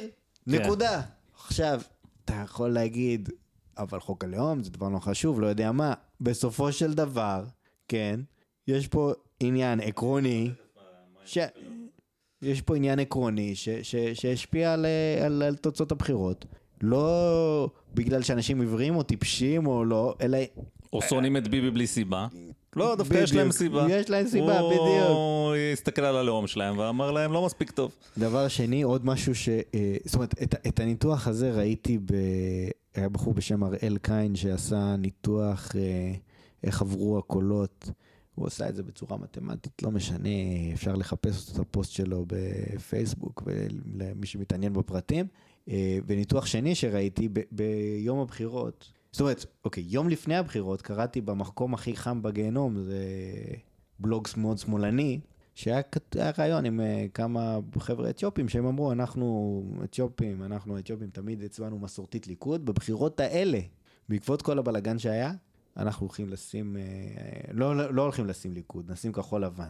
עכשיו, אני אה, מכיר את הדברים האלה של השמאלנים, שמוצאים לך איזה שני סהרורים ו... והם אומרים להם איזה משהו, ואז הם מייצרים איזה תופעה. אבל גם ב... ביום למחרת הבחירות ראיתי משדר של ynet, שבו מנכ"ל מדלן, מדלן זה אתר נדל"ן כזה שיש ברשת, אה, שהוא בא ואמר, הוא מסתכל על, אה, על הקלפיות, והוא אומר, אני, הוא, הוא אמר, אני שם לב שבריכוזים של אתיופים, הליכוד איבד הרבה קולות. כן. ואחרי זה, כן, הוא, הוא אמר שהוא, בהמשך השידור הוא הסתכל ואמר, אוקיי, הקולות עברו לכחול לבן. בנוסף, גם מירי רגב אמרה, היא צוטטה כי היא אומרת, אה, התרסקנו אצל האתיופים. עכשיו, אה, אז אני מניח, מה שאני אומר זה שאני מניח שזה נכון. אני לא יודע כמה כל הקולות, כל הקולות האלה שו- שווים. אני מעריך שלכל היותר מנדט, הדרוזים והאתיופים, אוקיי? יכול להיות שאני טועה, יכול להיות שזה מנדט וחצי או שני מנדטים, אני לא יודע. כן, זה דווקא בבחירות של תיקו זה מאוד חשוב, גם נכון, זה, אחד. כן, לא משנה. זאת אומרת, בסופו של דבר מנדט אחד ברח בעקבות הטיפול, בוא נגיד, בוא נגיד בעקבות התגובה של הממשלה שלא הייתה מספקת מבחינת האתיופים, והם עשו את הדבר הכי נכון, זאת אומרת, בוא, בוא נזכיר גם שבכחול לבן יש שני אתיופים ברשימה ובליכוד אין בכלל. עכשיו, הם עשו את הדבר הכי טוב שהם היו יכול, יכולים לעשות מבחינתם, שזה להפעיל לחץ פוליטי על הליכוד. כן. זאת אומרת עכשיו, אם בבחירות הבאות שיהיו בעוד חצי שנה, הליכוד יצטרך לעשות עבודת שטח אצל האתיופים, הוא יצטרך לפנות לקהל הזה כדי להרוויח בחזרה את הקולות האלה. אם הוא לא יעשה את זה, הוא לא יקבל אותם. ו- ו- וככה בעצם אה, האתיופים יכולים אה, לבחור, to pick and choose, איזה, איזה, אה, מה הם רוצים לקבל. עכשיו, הדברים האלה דוקטור טאו בכלל לא מזכיר אותם, וזה קשור ספציפית לאיך הליכוד יתנהג בזמן שהוא בשלטון. איך ביבי יתנהג בזמן שהוא בשלטון. בשנה של בחירות, כן. ובתגובה של ציבור, אז- בוא נגיד, מה שאתה מתאר בסופו של דבר, לא משנה אם אתה מסכים, לא מסכים, לא עם האתיופים ולא עם הדרוזים, זה דמוקרטיה במיטבה. הממשלה עשתה איקס, הציבור, או חלקים מהציבור שנפגעו מ-X, לא מצא חן בעיניהם, הרגישו שנעשה להם עוול. מה הם יכולים לעשות? שום דבר, אבל פעם בכמה שנים יש בחירות שאז אתה יכול לעשות מעשה קטן, אבל לפעמים הוא משמעותי. אתה הולך ואתה שם את הפתק בקלפי. ככה השיטה שלנו עובדת, זה לא רק שיטה שלנו, לא המצאנו את זה. אה, שזה מבחינתי בשורות אה, משמחות לדמוקרטיה בארץ. זה בטח לא עשו את זה. כן, אף אחד לא חושב שלא הדרוזים ולא האתיופים אה, הושפעו ממניפולציות של התקשורת וישראל היום ועם הפרקליטות, אני לא יודע אפילו איזה מילים לבחור מהבליל הזה שהוא, שהוא זרק פה. לא, הם עשו את מה שהם חשבו, שמקדם את האינטרסים שלהם, וכנראה שיש פה איזה אובדן אה, כוח לליכוד כתוצאה מהדבר הזה, והליכוד צריך להסתכל על עצמו ולשאול אה, מה עשיתי עם השלטון הזה שנתנו לי. ולבוא עם עצמו חשבון, ל- לתת לעצמו דין וחשבון. בדיוק, אז בוא, אז בוא נסכם. בסך הכל, כל המנדטים של הימין בבחירות הקודמות, היו 60, בחירות האלה הם 64. זאת אומרת, אני כולל את ליברמן בימין. כן. הרבה קולות עברו לליברמן, אה, כתוצאה מזה שהוא אמר, אני רוצה אה, יותר חילוניות כן. בממשלה, שזה לגיטימי, זה לא קשור לכתבי אישום, זה לא קשור לפרקליטות, זה לא קשור לשום דבר, אנשים רצו משהו מאוד מאוד ספציפי. כן, גם, ליברמן הוא לא בדיוק בן אדם שהיחסים שלו עם הפרקליטות הכי טובים.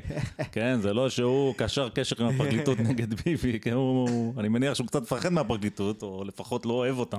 כן, הם רדפו אחריו 17 שנה, נעלמו כמה עדי מדינה ובסוף עזבו אותו. אה, שים, לב, דבר נוסף, האתיופים והדרוזים שהיה להם סיבות כן, אגב, לחץ על ידי מדינה. טובות מאוד, היה להם סיבות טובות מאוד. אה, להצביע אחרת. להצביע אחרת, כן. לא להצביע לגוש הימין. אז, אה, אז בעצם דוקטור טאוב נותן פה תזה. הוא מביא אותה בצורה מאוד אמוציונלית. הוא אה, מציג אותה כמלחמת, כמלחמה ממש, בין בני האור לבני החושך. הפרקליטות הנוראה שמובילה את השמאל כדי לעשות uh, מהפך בשלטון, ובעצם מה שאנחנו רואים פה זה שגודל הגושים הוא פחות או יותר מה שהוא תמיד היה, כן, פשוט כי זאת הדמוגרפיה, ואנשים תמיד מצביעים ככה, ובכמה תיקונים קטנים שנגרמו כתוצאה ממדיניות, המדיניות של ביבי.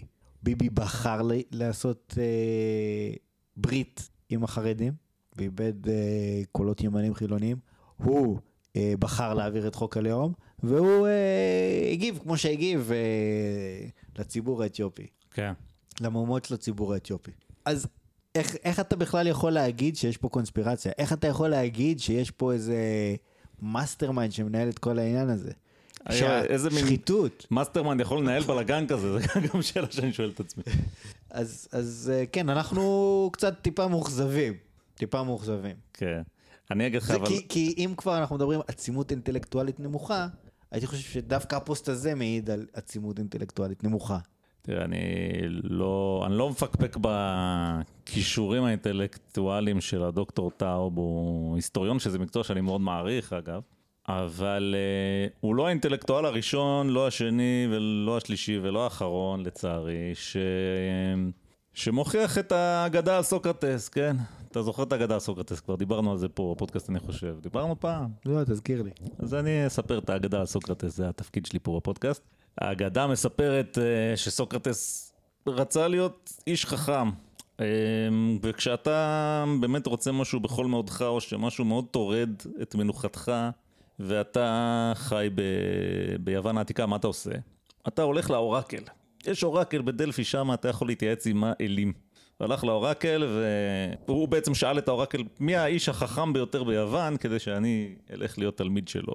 האורקל אמר, סוקרטס. סוקרטס לא קיבל את התשובה הזאת של האורקל, והוא החליט uh, שהוא יחפש בעצמו את האיש החכם. ואז הוא פשוט התחיל ללמוד אצל הרבה אנשים, הוא למד אצל כל uh, בעלי המקצוע שיש וכל המומחים הכי גדולים שהיו, היה ליוון להציע. ובסוף הוא גילה דבר אחד, שכולם אנשים מאוד חכמים ומומחים גדולים בתחומם, ומשום מה זה גורם להם לחשוב שהם מומחים בכל התחומים. והאורקל אה, צדק, כי האיש היחיד שלא עושה את זה זה סוקרטס. זאת אומרת, סוקרטס הוא רצה ללמוד, הוא אומר שהוא לא יודע. כל האחרים אומרים שהם יודעים הכל. אה, וזה מחלה שלא פסה מהעולם, ואינטלקטואלים, אה, הרבה אנשים הם מאוד אינטליגנטים, מאוד חכמים. רק שהידע שלהם מוגבל, קודם כל הם מומחים בתחום שלהם ולא בכל התחומים. וכמו שאנחנו יודעים, כשאתה לומד משהו באמת לעומק ואתה מבין כמה דברים באמת מסובכים, המסקנה הנכונה צריכה להיות שאתה צריך מאוד להיזהר להתבטא בדברים שאתה לא מבין בהם, כי אנחנו מפרים כמובן את הכלל הזה כאן כל הזמן, אבל ברמת העיקרון. אז אני חושב שכן, הפוסט הזה, העצימות האינטלקטואלית שלו היא לא משהו. אה, מבלי, אני לא אומר שטאוב הוא בן אדם לא חכם, אבל הוא כתב דברים לא חכמים, נגיד את זה כך. אבל uh, זה לא נגמר בזה, אני הייתי רוצה להתייחס למאמר אחר שהוא כתב, למאמר, סוג של מאמר הדגל שלו. אוקיי. Okay. זאת אומרת, הוא uh, מציג את עצמו כאינטלקטואל, והוא העלה תזה, תזה שעוררה הרבה הדים ותגובות ודיונים לגבי uh, שמאל וימין.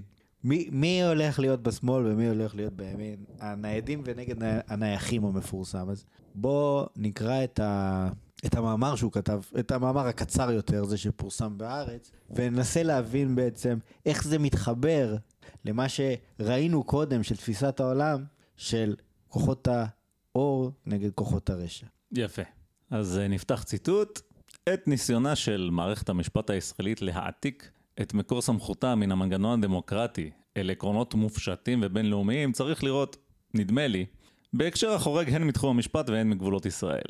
מפני שהמשפט, כאן ובמקומות אחרים, הוא רק זירה אחת, אמנם חשובה במיוחד, במלחמת מעמדות רחבה יותר המצויה בשלב מתקדם של התגבשות. מרין לפן טוענת שעיקר המאבק הפוליטי בזמננו כבר אינו בין ימין ושמאל, אלא בין גלובליסטים לבין פטריוטים. אבל זוהי הבחנה אידיאולוגית, ובהקשר הזה יש טעם לדבר לא רק על אידיאולוגיה, אלא גם על סוציולוגיה. כלומר, על מעמדות חברתיים. לא אלה הישנים, של הסוציאליזם הקלאסי, אלא מעמדות מסוג חדש, שקו התיחום המתהווה ביניהם נקבע כמדומה על ידי מידת ניידותם. אולי אפשר לדבר אם כן על חלוקה בין המעמד הנייד לבין המעמד הנייח. הראשון, הנייד, מהווה ברובו את האליטה בת זמננו במדינות המערב, ואולי גם מעבר לו. אין כוונתי לומר שמעמד זה בהכרח מתנייד בפועל, אלא רק שאפשרות זו פתוחה בפניו במידה גדולה מבעבר. מדובר באנשים שמנהלים את חייהם המקצועיים, לפחות בחלקם, בשפה האנגלית, ושמקצועותיהם קושרים אותם לעמיתיהם בארצות אחרות. חלק מחברי האליטה הזאת עוסקים במקצועות שאינם כבולים למקום כלל, כגון תוכנה, שיווק, מסחר בבורסה או ברשת, אקדמיה, סטארט-אפים, הייטק, פיננסים ועוד. בוא, אני רק רוצה לעצור אותך רגע. כן. אה, הערה קצת אה, אולי קטנונית, אבל כשאנחנו מסתכלים על, על רשימת המקצועות של האליטה, כן. אנחנו רואים את המקצוע תוכנה, סטארט-אפים והייטק. כן. אני חושב שיש פה איזשהו רידנדנסי, כמו שאומרים איזה- באנגלית. אנחנו הרי אנחנו ניידים, כן, אז אנחנו ניידים, מדברים אה, באנגלית. מדברים אנגלית כל הזמן. אה, מסחר בבורסה או ברשת ופיננסים, מסחר בבורסה ופיננסים כנראה שזה אותו דבר. אה, אז יש פה סוחרים, יש פה תוכנה, זה בגדול הייטק, פיננסים ואקדמיה, זה- אקדמיה, זה מה שהוא אומר. ואני לא יודע בדיוק, שיווק. לא יודע מה זה בדיוק שיווק, כן. גם מה זה שיווק. ושוק הכרמל, שהוא משווק לך שם את כן, אני לא יודע הירקות. בדיוק מה זה שיווק ולמה הוא התכוון, אבל עצם זה, כן, שהוא כותב תוכנה, פיננסים ואקדמיה, ועוד, אבל הוא רושם שמונה פעמים את אותו דבר, מראה לי שהוא מאוד מאוד התקשה למצוא את המקצועות האלה, שהם אינה, אינם כבולים למקום. כן, אני מסכים איתך. אני כאדם ש... אני לא אינטלקטואל כמו הדוקטור טאוב, אבל אני לפעמים, אה, אני מה שנקרא כותב הבקשות. אני עוזר להרבה אנשים ככה לנסח מכתבים וכל מיני דברים, כי כי אני טוב בזה יחסית. ואני באמת, אני חושב שאתה צודק, אני מזהה פה את ה... לפעמים אתה רוצה ככה בשביל הרטוריקה, שיהיה לך איזה ארבעה חמישה דברים, אבל יש לך רק לא, שניים. ברור, ברור. אה, אז אתה ככה קצת... האמת היא שמקצועות שאינם כבולים למקום, יש עוד המון. נגרות, אה, סיעוד, כן, מה, מה הכוונה? זאת אומרת, יש מה שנקרא מקצועות אה, חופשיים, נקרא לזה. בוא, בוא נגיד זה דבר קצת כזה, המקצועות החופשיים לא, של פעם. יש פה, כי יש פה עניין, יש פה עניין אחר. מה שדוקטור טאוב מנסה לעשות פה, זה להגיד, אוקיי, יש את החבר'ה האלה, שהם כאילו עם הרבה כסף, ואני רוצה כן. לדבר עליהם. אני חושב שאין בו, הוא לא מדבר פה על ניידות, כאילו על איזה שהם חבר'ה שהם אה, ניידים, כי הם, כי קל להם לעבור למדינה אחרת. כי פי, אתה רואה שיש פה עובדים זרים בישראל. רוב העובדים הזרים זה בבניין, זה בחקלאות, זה בסיעוד. כן, והם המעמד הנייד של הפיליפינים. הם הניידים, כן? גם נכון? להיות נייד זה לא כזה טוב, נע ונע תהיה בארץ, כך אה, לא, נכתב. גם כאילו, אתה יכול להניח שגם ברוב העולם, רוב מי שמחליף מקום זה אנשים שהיה להם פחות טוב. זאת אומרת, כמה אנשי אקדמיה כבר עוברים, אנשי אקדמיה זה מיעוט, אבל תסתכל כמה אריתראים חוצים את הים לאירופה, כן? וכמה מוסלמים בורחים מסוריה. אז אני אגיד לך משהו. כאילו, אני חושב שאתה צודק לגמרי במה שאמרת. עכשיו אני אקח את זה למקום טיפה אחר. אם אתה שואל אותי, השימוש במילה נייד כאן הוא רטוריקה נטו. זאת אומרת, מה זה נייד? כשאני אומר לך את המילה נייד, מה עולה לך לראש? לא יודע, לא עולה לי כלום האמת. אני אגיד לך מה לי עולה לראש. נו. סמארטפון. זה מה שעולה לי לראש. אוקיי. ומה שנייד, כל מה שהוא מודרני וחדש הוא גם נייד, גם, כאילו, בגדול אנחנו, דברים ניידים זה טוב, כן, יש עכשיו, אתה יודע מה, נכון, כולם קונים נכון, את השער נכון. רק של דייסון שהוא נייד, כן, נכון, וזה נכון, כל אתה. צודק. נייד זה כאילו הטוב והנייח זה נייד כאילו זה הפחות טוב. לא רק טוב, זה המתקדם, הטכנולוגי, המתוחכם, זה הנייד. כי כמו שאתה אומר, מה זאת אומרת מקצוע שקבעו למקום? יש רק מקצוע אחד שבאמת קבעו למקום. להיות צמית. אם אתה צמית, אתה, זה לא מקצוע, כן? זה באמת מעמד. אם אתה אה, צמית בימי הביניים באירופה פאודלית, אתה כבול למקום, אסור לך ללכת למקום אחר, אסור. אתה תלך למקום אחר, יהיו לזה השלכות. ומקצוע פר סה, לא, אני... כן, אני- יש אני- אה, ב- בונים זה, זה בכל לא מדויק, מדינה. זה לא מדויק, ו- כי, כי למשל אם אתה שופט בית משפט עלון, אוקיי, זה באמת, אתה אתה לא יכול באמת עכשיו. לעבור לגרמניה ולהיות שם שופט בית משפט עליון, שופט בכלל. נכון. אתה ולכ- תהיה מובטל, תגור ברחוב, כי אסור לך לעסוק לא. שם במשפטים. אולי, בוא נגיד... אלא אם כן אתה אקדמאי, ואז אולי תסיק אולי אתה יכול להיות משפטן במדינה אחרת אחרי שתעבור את ההכשרות המפרכות ואת הבחינות, בדיוק, כן. אבל שופט הוא כבר לא יוכל להיות כנראה, כי זה באמת מופרך, ובחיים לא שמענו על מקרה כזה. ואני בטוח שהשופטים אצלו הם שייכים למעמד הנייד, כי הם האליטה, הם האינטלקטואלים, הוא שונא אותם, אז... בקיצור, מה שאני אומר, ההגדרות, התזה לכאורה לא, גם, הזאת שהוא אני מציג, אגיד לך, הוא גם יכול להגיד, מה קרה להם? הם בטח הם יכולים לעבור ולעשות את המבחנים ולעבור, וכאילו, מה, הם ניידים? כאילו, ההגדרה הזאת היא מאוד בעייתית, כי אתה יכול לשחק איתה איך שאתה רוצה. נו בסדר, והסוחר משוק. הכרמל, הוא יכול ללכת לקורס ערב, ללמוד, ללמוד תכנת ולהיות חלק מהמעמד הנייד. אני גם טיפה, אני יודע ש... זה, זה מקובל לדבר ככה, אבל זה קצת מציק לי. אני לא אוהב שמדברים על מעמדות ש... שבסופו של דבר לא מעט אנשים חוצים את הגבולות שלהם. זאת אומרת, עד כמה מעמד זה מעמד, אם יש פעולות שאתה יכול לנקוט שהן לגמרי, כאילו, אתה יכול לעשות את זה, אולי זה לא קל, אבל מה הדוגמה שנתתי קודם? כן, אתה יכול להיות, לא יודע, נהג מונית, להחליט שאתה רוצה להשתדרג, להתאמץ, ללמוד תכנת ולעבור להייטק, אנשים עושים את זה. אני בעצמי קיבלתי לעבודה בהייטק אנשים שלפני כן היו בתחומים אחרים לגמרי, פשוט החליטו שהם רוצים ועשו את המאמץ. יש אז את איזה ה- מין מעמד זה בדיוק? יש את המוכר פלאפל שלנו, שהיינו ילדים, היינו קונים בפלאפל במרכז נו. של היישוב, והבחור בגיל 35 אמר נמאס לו מהפלאפל, והלך ללמוד הנדסת חשמל, לא צחוק. אה, וואלה. לא, לא הכרתי את הסיפור הזה. כן? אז עכשיו הוא היה במעמד הנייח, עכשיו במעמד הנייד. אז אני אומר, מעמד זה קצת...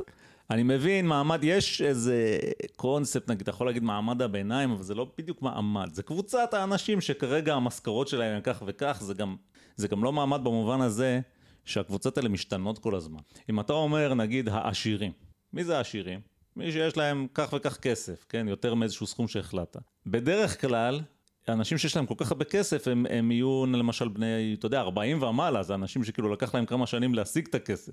והרבה מהם גם יפסידו אותו, והם יפסיקו להיות, אז זה, זה קצת מטעה, הדיבורים האלה על, על מעמדות הם, הם מאוד מבלבלים, אני לא כך אוהב אותם.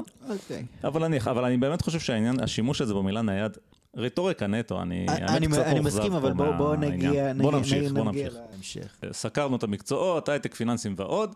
אה, המשך ציטוט. אחרים בתוכה מחזיקים במשרות הנטועות במקום, אבל יכולים למצוא ביקוש לכישוריהם גם במקומות אחרים. חשוב עוד יותר, קבוצת ההתייחסות של האנשים האלה, אה, סליחה, קבוצות ההתייחסות של האנשים האלה הן בינלאומיות, והם חרדים יותר משיפוטם של אחיהם הניידים בחו"ל, שעימם הם נפגשים תכופות בכנסים ובפורומים בינלאומיים, מאשר מדעתם של בני המעמד האחר, הנייח, בארצם.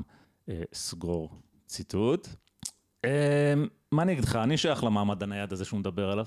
אני משתמש באנגלית ביום-יום, איפה שאני עובד. אה, אני, אין לי אחים ניידים בחו"ל, שאני מפחד מהשיפוט שלהם. אם יש לי, אז אני לא פגשתי אותם, אולי זה אחים מתרומת זרע או משהו. לא מיני ולא מקצתי. אנחנו עובדים בסטארט-אפ, כולם ישראלים, אנחנו חיים כאן, אכפת לנו ממה שקורה כאן. לא יודע מה הוא רוצה. כן, לא ברור לא. יודע מה הוא רוצה, הוא משמיץ אותי, באמת, אני מרגיש מושמץ. לא, לא, כן, לא ברור בו בכלל, כן? מי... זאת אומרת, זה כן ברור פה, כן? בסופו של דבר, זה, זה מריח פה שהוא מדבר על הוא אה, להגיד- שופטים בבית הוא- משפט העליון.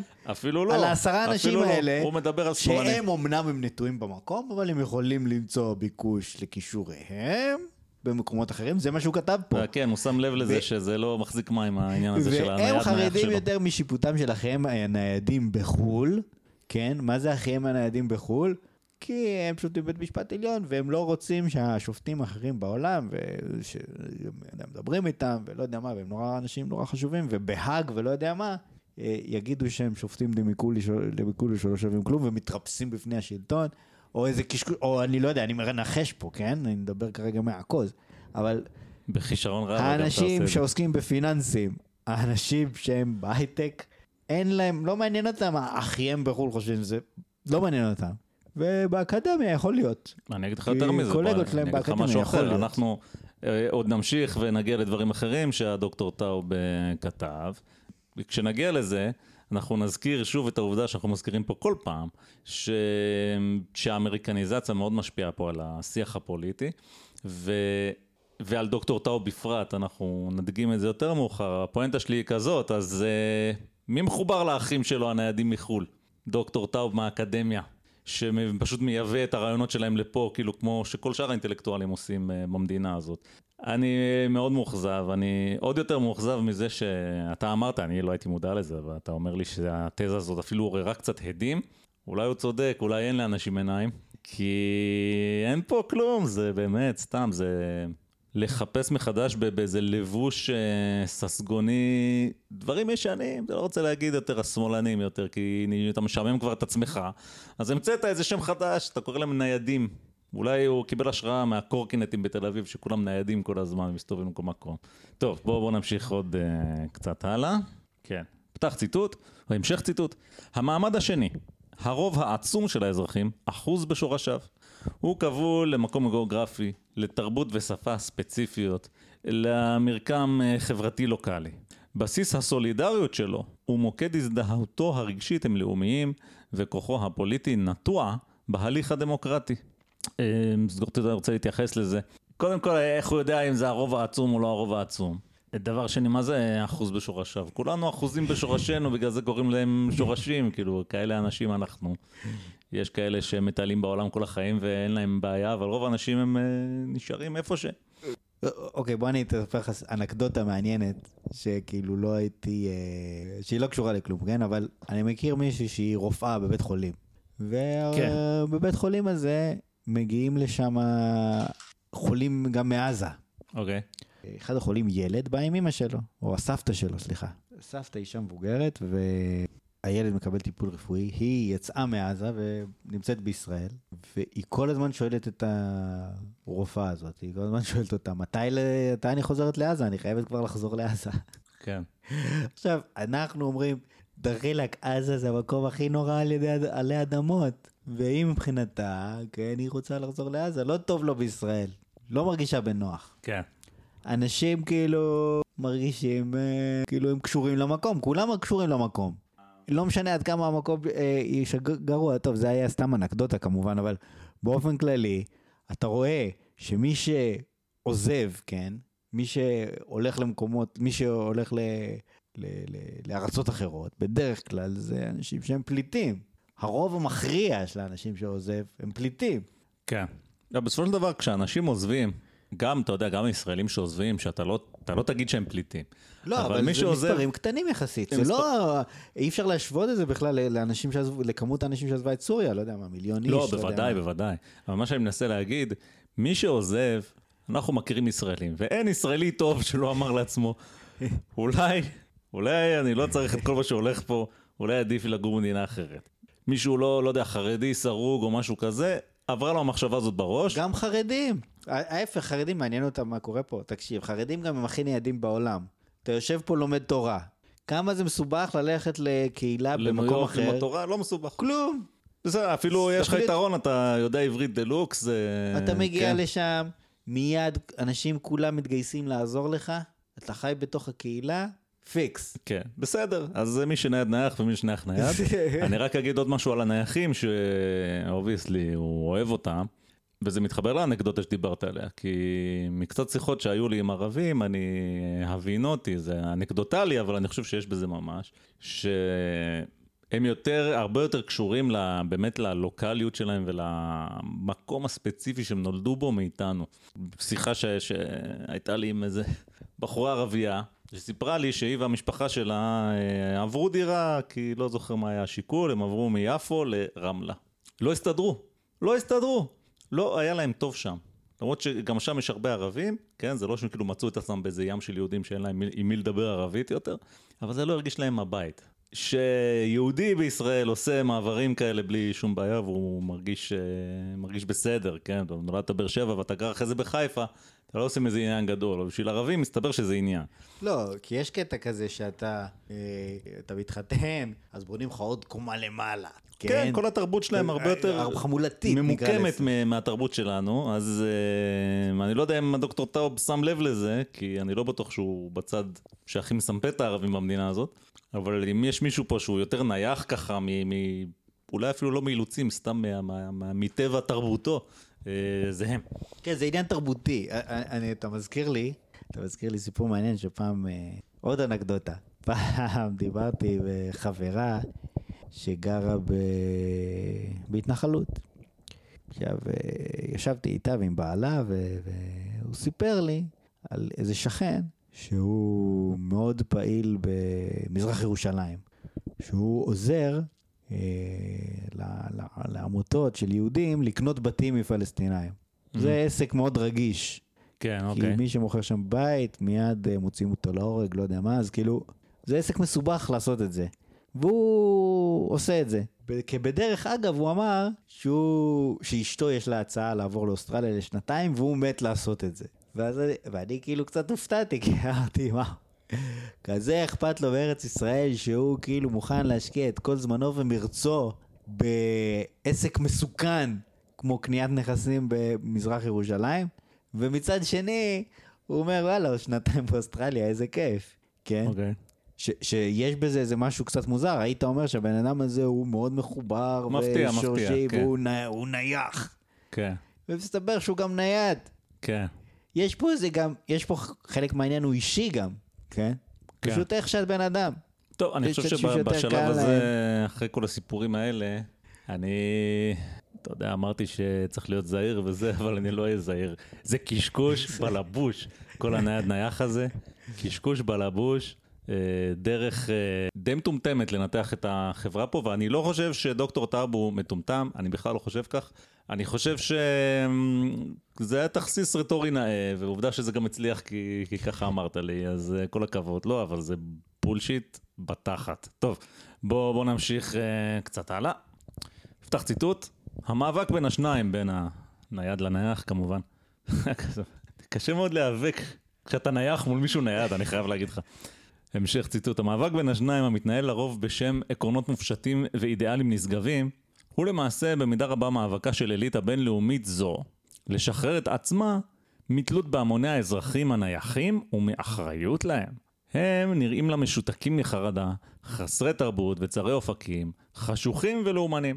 דיוקן קיצוני זה של הנייחים הוא הרקע המשמש להתקפה על זכותם להגדרה עצמית ועל הלגיטימיות של מנגנון הבחירות שבאמצעותו הם מבטאים את עמדותיהם, סגור ציטוט. אני חייב לומר, לא שמעתי בכל הישראל הזאת, ישראל זה מקום מופרע לחלוטין. יש כל כך הרבה סוגי קבוצות אנשים פה, ובאמת זה מקום משוגע. ואני, לא ידוע לי על מישהו אחד, אף פעם לא שמעתי מישהו מערער על הלגיטימיות של מנגנון הבחירות. ההפך, כולם אומרים, צאו להצביע. אה, נקדים את הבחירות, יהיה בחירות, מתי יהיה בחירות, ומה ההבטחות של אחרי הבחירות. שמעת מישהו שמתנגד לזה שיהיו בחירות? בארץ? אה, אני לא כל כך יודע מה הוא רוצה להגיד פה. לא, אני מבין שאתה לא יודע מה הוא רוצה. אז אני לא... אז בוא נמשיך לקרוא, אולי זה יתבהר. לא, לא, לא, כי לא, כי יש פה כמה דברים להגיד על מה שהוא אומר פה, כן? כן. כי הוא אומר ש... רגע, לא, תסלח לי רגע, אני חייב להגיד משהו. הוא גם אומר פה, דיוקן קיצוני זה של הנייחים הוא הרקע המשמש להתקפה על זכותם. הרי אתה המצאת את הנייחים עכשיו. ועכשיו הוא בא בטענות לזה שמציירים איזה דיוקן שלהם שלא נאמן למציאות. זה קבוצה שהמצאת אותה, המצאת אותה הרגע. לא, הוא, הוא אומר פה דבר כזה. עכשיו, אני מבין מה הוא אומר, אני מבין מה הוא אומר. הוא אומר שכאילו יש את ה... יש את בג"ץ, ובג"ץ אומר, הבחירות זה קשקוש. למה? כי נותנים לכל הטמבלים להצביע, לכל הנייחים. בוא, אנחנו נשלוט. זה מה שהוא רצה לכתוב. אבל כיוון שנמאס לו לכתוב את זה, הוא כתב איזה סיפור אחר שהוא כאילו מופרך. הבנתי. אתה מבין? הוא כאילו סיפור ש... אני מתחיל לחשוב שכל אגדות האחים גרים אינם אלא מאמרי דעה שהוסבו, מה אני אגיד לך? כי זה אוקיי, בוא, וואו. בוא, אוקיי. בוא נגיד דבר כזה, כן? הרעיון הוא שהעם מטומטם, ולכן אסור לתת לו לבחור. כן. זה רעיון ישן. עתיק יומין. עתיק יומין זה לא קשור לניידים ונכים. לא. לא קשור. רעיון עתיק יומין. אני חושב שגם... אה, לא, לא, לא נתנו לנשים להצביע, בשוויץ עד 1970, למה לא? למה לא נתנו להם להצביע? נשים דעתן קלה, ככה כתוב. נשים דעתן קלה, למשל, כן. אז, אז לא, לא צריך, זה לא קשור לנייחים וניידים כל כך, כן? הוא, הוא בסך הכל מנסה לתקוף פה את בג"ץ עם כל מיני סיפורים פסאודו-אינטלקטואליים. עכשיו, כשהוא אומר, כן, כן, כש, כשיש את האזרחים הנייחים והאחריות להם, באיזה אופן מנסים לשחרר את ה... התלות והאחריות בנייחים. יש מפלגה אחת בישראל, אחת, שאומרת, כן, צריך לקצץ את כל הקצבאות ולא יודע מה, הייתה איזה מפלגה כזאת, והיא לא קיבלה אפילו חצי מנדט. אפילו אוקיי. היא, כן, שאמרו, כן, צריך, אה, שטפלו עליה האשמות כאילו צריך לבטל לביטוח לאומי, הם, זה לא מה שהם אמרו, וזה קשקוש מוחלט, והם כן אמרו שהם בעד כפייה של... אה, הנגשה לנכים, הנגשה דיברנו על לנכים. זה, כן. אז, אז, אז חלאס עם השטויות האלה, כן? אין בעצם שום אליטה כזאת שאומרת, אגב- אנחנו לא רוצים אחריות על הנייחים. אני חייב להגיד לך שאליטה שהיא תאבת שלטון. הדבר האחרון שהיא רוצה זה לברוח מאחריות. יותר אחריות זה יותר כוח, זה ככה פשוט, הרי אחריות בפוליטיקה, אחריות זה לא כמו אחריות בחיים הרגילים. בחיים הרגילים, אתה לא עושה את העבודה שלך, אתה יודע, יעלימו עין פעם, פעמיים, יעשו איתך שיחה, בסוף יפטרו אותך, אין מה לעשות, אתה אחראי, נכון? אתה אחראי למה שאתה עושה. כשאתה בפוליטיקה ואתה השר, אה, אתה שר החינוך, לא יודע מה, והנהגת איזושהי מדיניות והרסת את החינוך במדינה, הרסת אותו. איזה אחריות יש לך? אתה לא תהיה יותר שר? כנראה שכן תהיה, כי מי יודע בכלל אם הרסת, אם לא הרסת, זה הכל דברים שנורא קשה לברר. וזה המון עמדות שכמו שאמרת זה הצבעה שבטית, וממילא כל רוב האנשים יודעים למי הם יצביעו הרבה הרבה שנים לפני שהבחירות מגיעות. אז על מה אנחנו מדברים? אה, יותר אחריות, אה, אגב זה משפט שהייתי אומר את זה עם אלה, אבל אתה זוכר את, ה... את הסדרה המופלאה של ה-BBC פעם, אה, Yes Prime Minister? ודאי. כן, אני מדבר מאנגלית כי אני מהניידים, אז אני גם מבין אנגלית, אז הוא אומר שם בסדרה, הוא אומר את זה, כן, וזו סדרה מבריקה, אני מאוד ממליץ לכל מי ש... שיכול שיראה, אפילו שזה קצת ישן כבר. הוא אומר לו, more responsibility is more power, ככה זה מאוד מאוד פשוט. ואגב, אם אתה באיזה אליטה מתנשאת שאוכלת חינם וחיה על הגב של אלה שעובדים עבודת כפיים, יופי לך, אבל להתנער מהם זה הדבר האחרון שאתה רוצה, הם אלה שכאילו לכאורה מחזיקים אותך למעלה, אז על כתפיהם אתה עומד, כן? זה לא הגיוני כאילו משום בחינה, איך שאני לא הופך והופך בפסקה לא, הזאת. זה גם לא מגובה בשום לא, אבל אפילו, כתזה, אפילו האלה. כתזה זה לא הגיוני, זה כאילו הרעיון עצמו, בלי קשר כן, לא, לכמה אני הוא קשור מסכים, למציאות. מסכים, מסכים. בוא ב- נמשיך, בוא נמשיך, כי זה כן. רק הולך ומשתפר. פתח ציטוט. את הגבולות בין מעמד הניידים למעמד הנכים אפשר לראות באופן הבהיר ביותר במאבק על מדיניות ההגירה, שהפך כמעט בכל מקום לאבן בוחן. בלי להגזים ברדוקציה מרקסיסטית, אפשר לומר שהמעמדות המבוססים, שהונם האנושי והפיננסי נייד, נוטים להעדיף גם עבודה ניידת. לפיכך, כצל מלווה לאליטה הניידת, יש גם מעין מעמד שלישי של מהגרי עבודה, או פרולטריון נייד. בוא, אני- אני אני חייב אני חייב להגיד. משהו על הדבר הזה. אני חייב להגיד משהו על הדבר הזה. אם אתה חייב, אז אתה חייב. כשהוא אומר, עכשיו אנחנו הגענו ל...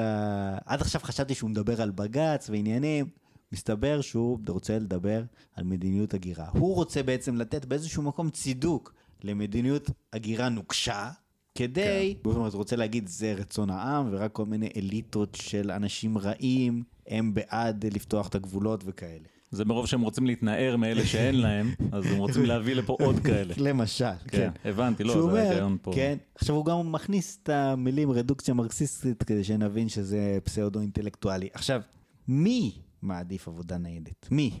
אני נסעתי עם, עם, עם הילדים, חזרתי מהגן. מה זה אומר עבודה ניידת? מה זה עבודה אומר? של שאתה עובד-. שאתה עובד במד"א כאילו? עבודה של אנשים שבאו ממקום אחר. הנה. כן, אבל האנשים, אה, כאילו, עבודה, האנשים נייד. הם באו. מעדיפים את הילדים. העבודה היא לא, נ- העבודה זה עבודה. מה זה לא, עבודה זה ניידת? אני בסדר, לא הוא. מדבר על כוח עבודה נייד. אוקיי, בסדר, fair enough. עכשיו אני נוסע עם אה, ילדים, הבנתי, הבנתי עכשיו מה הוא אומר. אני נוסע אוקיי, עם הילדים, לוקח אותם מהגן. כן. ופתאום הילד אומר, רגע, מה זה, באתר בנייה שם יש את דגל רומניה. הילד משחק יותר מדי פיפא באקסבוקס, אז הוא מכיר את הדגלים. כל הכבוד. עכשיו, הוא, הוא שואל אותי למה יש שם דגל רומניה?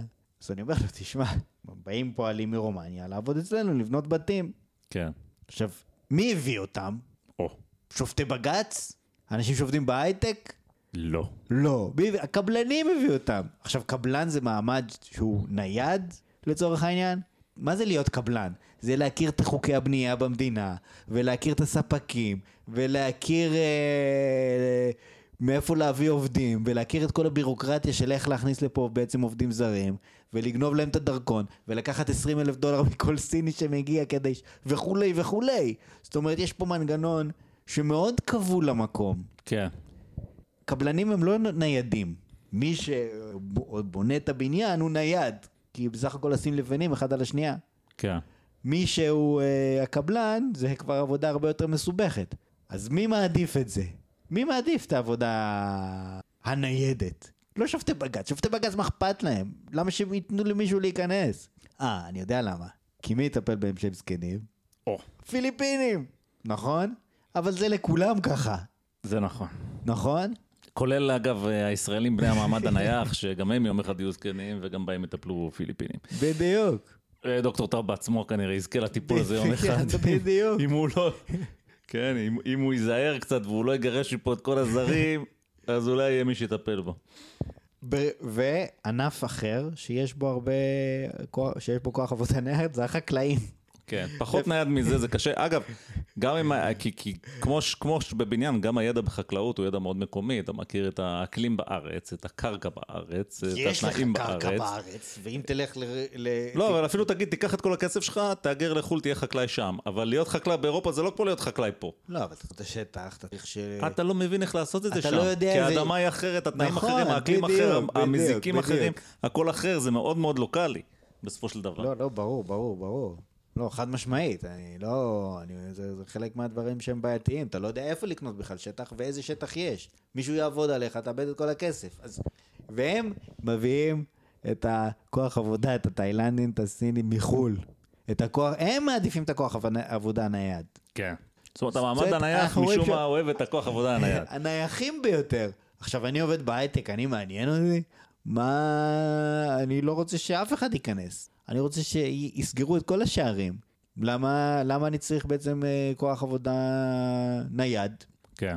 אלא אם כן, לא, בוא נגיד אני אתה צריך, אני כי צריך אתה- פיליפינים. אז אה, כאילו... אתה- אתה יודע, אתה לא, אנחנו לא יודעים, אנחנו לא מעורבים בזה. ואתה קונה את הדירה, יכול להיות שהייתה עולה עולה יותר אם לא היה את הכוח עבודה נייד, אבל זה לא מעניין אותך פרסה. אתה כן, לא מודע לדברים האלה. אותך המחיר, לא מעניין דברים אותך שאתה לא מודע אליהם, אתה לא יכול, אין לך, כאילו, אין לך עמדה לגביהם באופן טבעי, כאילו אולי יש לך, כי אתה, זה מה שהרגע אמרת, כן, אמרת, "אה, שיסגרו הכל, לא רוצה את כל הזרים האלה כאן, אוקיי.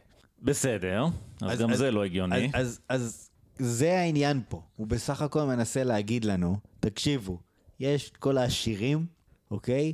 שהם רוצים להביא לפה מלא מלא מלא מלא אריתראים, אוקיי? ולזרוק אתכם לכלבים. וש... בדיוק. את הנייחים ה-deplorables האלה. כן. טוב, בוא נמשיך. כן, אוקיי, פתח ציטוט. העבודה הניידת הזו מתאימה לא רק למערכת הערכים של האליטה, אלא גם למאבקים הפוליטיים ולאינטרסים הכלכליים של חלקה. הגירה מסיבית מורידה את מחיר העבודה, ושווקים פתוחים מעבירים משרות לארצות מתפתחות. המעמדות הנייחים הם המשלמים את עיקר מחירה של מדיניות זו בשחיקת שכר, לעתים באבטלה ובקליטה, כושלת בחלקה הגדול של גלי מהגרים בשכונות העניות ביותר. אה, סגור ציטוט. טוב, גם זה קצת אה, ככה, בוא נגיד מסובך. קודם כל, לפי מה שאמרנו לפני רגע, זה כנראה לא נכון שהאליטה היא זאת שמביאה את העובדים הזרים, אה, אלא מי שבסופו של דבר מעסיק אותם זה אנשים שהם קצת פחות באליטה, אמרת קבלני בניין, הם יכולים להיות אנשים מוצלחים מאוד מבחינה כלכלית, אבל אתה לא תקרא להם, הם לא האליטה האינטלקטואלית של המדינה הזאת, נגיד את זה ככה. אולי זה חבל, אבל הם לא. ואני לא הבנתי בדיוק את, ה, את האינטרסים פה, כי אם אני... אני, אני חושב שיש פה ערבוב של המון דברים, כי בהתחלה כשהוא דיבר על זה, הוא דיבר על הנייחים כמי שהעניין, אתה יודע, הסולידריות שלהם נובעת מהלאום ודברים כאלה. אז הוא כן מחאה, הנייחים הם, הם ישראלים. הם הישראלים שהוא אוהב כנראה, ככה זה, זה מריח, כן? הוא אומר, מי מביא פה את כל העובדים הזרים האלה? זה האליטות שלמעלה, הם מעדיפים את הזרים על פני הישראל. לא יודע, זה קודם כל לא נשמע לי נכון. אה, אם כבר יש הגירה וכן הלאה, אולי, לא יודע, מה, אהוד ברק מי יעסיק איזה עוזרת בית בזול, כאילו. מי שיבוא אתה רציני איתי? ויבוא לממשלה ויגיד לו, תשמע, אנחנו צריכים עוד מכסות של עובדים זרים, זה יהיו הקבלנים והחקלאים, הם יבואו לממשלה ויגידו, אין לנו והקבלנים מספיק של עובדים, תפתחו. הפיליפינים שמטפלים כן, הם יגידו, בזקנים. תפתחו. אף עובד הייטק לא יגיד לממשלה, תביאו לי עוד אה, עובדים זרים. גם אף שופט בית המשפט העליון לא יעשה את זה, זאת אומרת, למה? כאילו, זה. פשוט לא הקטע, לא העסק שלהם, מה הקשר בכלל? בדיוק. יש להם... עכשיו, נכון שהגירה לא, מסיבית הזאת, אתה יושב, אני שופט בית המשפט העליון ואני יושב עם החברים שלי ואנחנו, יש לנו כוח כי אנחנו שופטי בית המשפט העליון ואנחנו כזה, אתם יודעים מה אנחנו באמת צריכים? מלא עובדים זרים כדי להוריד את מחיר העבודה ולהעביר משרות לארצות מתפתחות, זה דחוף מחר. חבר'ה, תרימו, תתחילו להרים טלפונים. מחר אני רוצה אה, דוח מצב בשש בערב. לא, קודם כל, בסדר, דיברנו על העניין הזה של ההגירה המסיבית מורידה את מחיר העבודה. שווקים פתוחים מעבירים משרות לארצות מתפתחות, זה לא קשור להגירה, זאת אומרת, זה דווקא נגד הגירה, זאת אומרת, מה זאת אומרת, כן? כן. למה שאני אקנה מלפפון בישראלי שדורש עובדים זרים? אני יכול לקנות מלפפון טורקי, נכון? ואז אני לא אצטרך להכניס אף אחד. כן. אז זה בדיוק ההפך. כן, נכון. נכון? זה בדיוק הפוך אם השווקים הם פתוחים, אז פתוחה. יכול ליהנות מהעבודה של זרים שעובדים בזול בלי להביא אותם לפה. בסופו של דבר זה מה שזה אומר, נכון? ואיזה משרות זה מעביר לשם? את כל המשרות האלה, אז לנייחים בארץ, כאילו לא נשאר במה לעבוד. אף כי אנחנו לא. יודעים שהאבטלה היא בשפל של כל הזמנים, ומה שקורה עם הנייחים שהם פשוט מסתדרים, הם לא. לומדים אה, משהו חדש. אתה רואה את זה, אתה רואה את זה בכל מקום. ההעברה של המשרות האלה, של המשרות, בוא נגיד, הפחות איכותיות, לסין, זאת אומרת, היום בארצות הברית, האבטלה היא בשפל של כל הזמנים. כולם אומרים, טראמפ איזה גדול, האבטלה בשפל של כל הזמנים. כן. וזאת עם זה שמרבית הייצור בכלל נמצא בסין. כן. אז, אז אה, בכלל לא בטוח שהקשר הזה בין להעביר משרות לארצות, תמיד יש עוד עבודה, כן? תחשוב על זה ככה, נולדים עוד ילדים, ולכולם יש עבודה. לא, גם מה זה נכון? תמיד יש עוד עבודה? אנחנו, כל מה שקורה בעולם, בסוף, אתה יודע, אפשר, זה נושא אחר לגמרי להגיד, אתה יודע, מה יהיה בסוף עם כל הטירוף הזה שקורה, אבל כל עוד זה מחזיק מעמד. הרי איך זה, יש היום דברים שאף בן אדם לא עושה. יש עבודות שנעשו בעבר שאף אדם שאני נתקלתי בו לא עושה. למשל, להביא מים מהבאר. אף אחד לא מביא מים מהבאר. כי יש... זה לא נכון. מה? זה לא נכון. לא, לא כאן, אני שאני נתקל בהם. בשטחים יש עדיין בארות שמביאים ביד מים? כן, לפעמים. טוב, זה מצער לשמוע. אבל אה, בסדר, אז בואו נלך לאיזה מקום אחר, לאיזה מדינה אחרת, אני לא יודע. או מקצוע אחר, קח מקצוע אחר. לא, אני רוצה איזה דוגמה, אתה יודע, אני אקח את הדוגמה הזאת כי נטפלתי אליה. אז בגרמניה מישהו מביא מים מהבאר? אני מניח שלא. כי יש לנו טכניקה יותר טובה. תגיד, אוי אוי אוי, מה יהיה על כל שואבי המים וחוטבי העצים, מה יהיה איתם, הם יהיו מובטלים. אז זה לא מה שקורה, כי מה שקורה, אנחנו יודעים, השוק משתנה, ונוצרות הזדמנויות אחרות, נוצרים מקצועות חדשים, המקצועות כאילו הנמוכים של היום הם גבוהים, הפעם הם היו גבוהים, היום נמוכים, וזה ככה ממשיך. לא רק זה, זה, אה, זה מקצועות שהפריון שלהם יותר גבוה, אוקיי? כן, ודאי, זה כל העסק הרי, זה כל הקטע. וככה התוצר אה, לאומי גולמי, אני וואטאבר לא כלכלן, אבל ככה הוא גדל. זאת אומרת, במקום שאתה תיקח אנשים אצלך שיעבדו בסרט נעל מפעל, אתה שולח את, את כל המפעלים למקום אחר, ואצלך יש רק מישהו שאחראי על לעצב את הנעל שהולכים לייצר שם. כן. אוקיי? וזה עבודה שבפחות זמן מכניסה, לא, ואחרי, מייצרת הרבה לא, יותר. לא, אבל בואו נבין מה קורה, אחרי שזה מצליח פעם אחת. אז באים עוד שלושה יזמים, גם הם עושים נעליים, פתאום יש עבודה לאנשים. זאת אומרת, בסופו של דבר, כל הכלכלה הקפיטליסטית הזאת, כל הקטע שלה, זה להסתכל על מה שיש, ולהגיד איך אנחנו עושים את הדבר הזה עוד יותר בזול, עם פחות ידיים עובדות, יותר יעיל, יותר זול. זה מה שעושים. עושים את זה כבר 200 שנה, וזה רק שיפר את המצב של העולם. בגדול, כן, אה, אתה יכול למצוא כל מיני, לכל דבר יש את הצדדים הפחות טובים שלו. אבל אה, זה כאילו כל הקטע. להילחם בזה, מה המשמעות? לא, תגיד.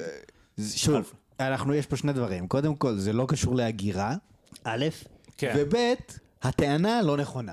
או, זה גם מונע הגירה. זאת אומרת, אם הטענה שלו, כן, זה שאליטה כן, רוצה גם הגירה וגם שווקים פתוחים, אז זה לא כל כך מסתדר. נכון, אז הטענה, כן. אמרנו, גם הטענה לא נכונה, וגם זה בעצם הפוך ממדיניות הגירה פתוחה. אז אנחנו מצטערים, אבל דוקטור טאוב, כן, פה שוב, אה, אומר פשוט דברים... כותב מה שבא לו, כותב מה שבא לו, זה הכול. אומר שטויות שלא קשורות לכלום. פשוט כותב מה שבא לו. עכשיו, הנושא של הקליטה של גלי מהגרים בשכונות העניות ביותר, כמו שאנחנו רואים בפועל, כן? כמו שאנחנו רואים בפועל פה. כן. מי מנהיג את הסיפור הזה של המלחמה במהגרים, באריתראים? זה אנשים שגרים איתם. אנשים שגרים בדרום תל אביב, נכון? כן. זאת אומרת, לאף אחד במדינה לא אכפת כי אף אחד לא מסתובב בדרום תל אביב, חוץ מאנשים שגרים שם. כן. זאת אומרת, אנחנו רואים שגם, זאת אומרת, אם אנחנו מסתכלים, ואנחנו אומרים שלפי הטענה של טאוב, אה, הקליטה של גלי מהגרים בשכונות העניות ביותר, כן? זה מה שקורה בעקבות זה שאתה מביא אה, הרבה עובדים זרים. אז היית יכול לשער שבאמת מי שהתנגד לזה, מי שהתנגד לנושא של ההגירה זה לא כל הנייחים, אלא רק העניים ביותר. וזה זה מה שהיינו משערים, ואכן זה מה שאנחנו רואים קורה במדינה. זה מאשש באיזשהו מקום את הטענה שלנו, או לפחות לא מפריך. ו- ולכן אנחנו נוטים להגיד, אוקיי, אנחנו חושבים שיכול להיות בעצם שזה נכון. כן, לא, בוא, בוא תסתכל אבל מה, מה, איך טאוב מסתכל על זה, מה הוא אומר. האינטרסים הכלכליים של אותה אליטה, והוא מונה את ההגירה המסיבית שמורידה את מחיר העבודה. אה, ו... והוא ממשיך וכותב, המעמדות הנייחים הם המשלמים את המחיר כי, כי המהגרים מצטברים בשכונות של העניים של המעמדות הנייחים. אבל, לפי מה שאמרנו לפני רגע, הנייחים, באותה מידה שאפשר בכלל לזהות מי הם, לא כולם עניים. קבלני בינן יכולים להיות אנשים מאוד עשירים. אה, חקלאי שהוא מצליח והוא קשור למקום, הוא יכול, אה, שוב, להיות מצליח, אין שום בעיה עם זה. לא, מעבר לזה, איזה... כולם, כולם מרוצים מהמצב הקיים, חוץ מתושבי אה, דרום תל אביב. כן, אבל, אבל תושבי דרום תל אביב שסובלים מהמהגרים, הם לא הרבה אנשים, הם לא המעמד הנייח שעליו הוא מדבר. ולכן אם אתה רוצה לפרש את הדברים כמו שהוא מציג אותם, אז יש את האליטה הזאת, כן, שזה, לא יודע, האינטלקטואלים והשופטים והשמאלנים למיניהם והייטקיסטים, והם כאילו אומרים לעצמם איך אנחנו נתקע לנייחים, איך אנחנו נדפוק את ה-30 אלף איש שגרים בשכונה בדרום תל אביב, או, או מה נעשה להם. אבל אני שמעתי שהמעמד הנייח זה הרוב העצום. לא 30 אלף אנשים בדרום תל אביב. אז, אה, ברור, אז ברור. מה קורה? ברור, ברור. טוב, בואו נמשיך אה, עוד קצת אם זה פשוט לא נגמר. אני לא יודע איך אנחנו נגיע לכל החומר שהכנו. לא, לא, לא נגיע להכל. כן, וואו, זה. אז בואו נמשיך עוד טיפה. פתח ציטוט, המעמד הנייח מרגיש גם שהוא מאבד את השליטה האפקטיבית בגורלו.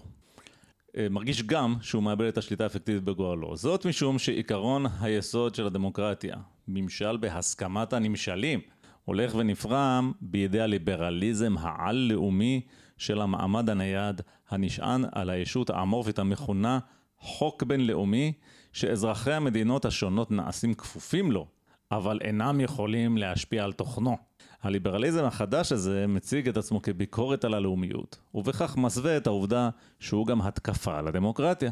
שכן כדי לממש את חזונו ולקדם את האינטרסים שלו, צריך המיעוט הנייד להוציא את הכוח הפוליטי מידיו של הרוב הנייח, ולנתק את עצמו במידה גוברת ממנו ומשורשיו. מכאן המרכזיות שתופסת לגביו הזירה המשפטית.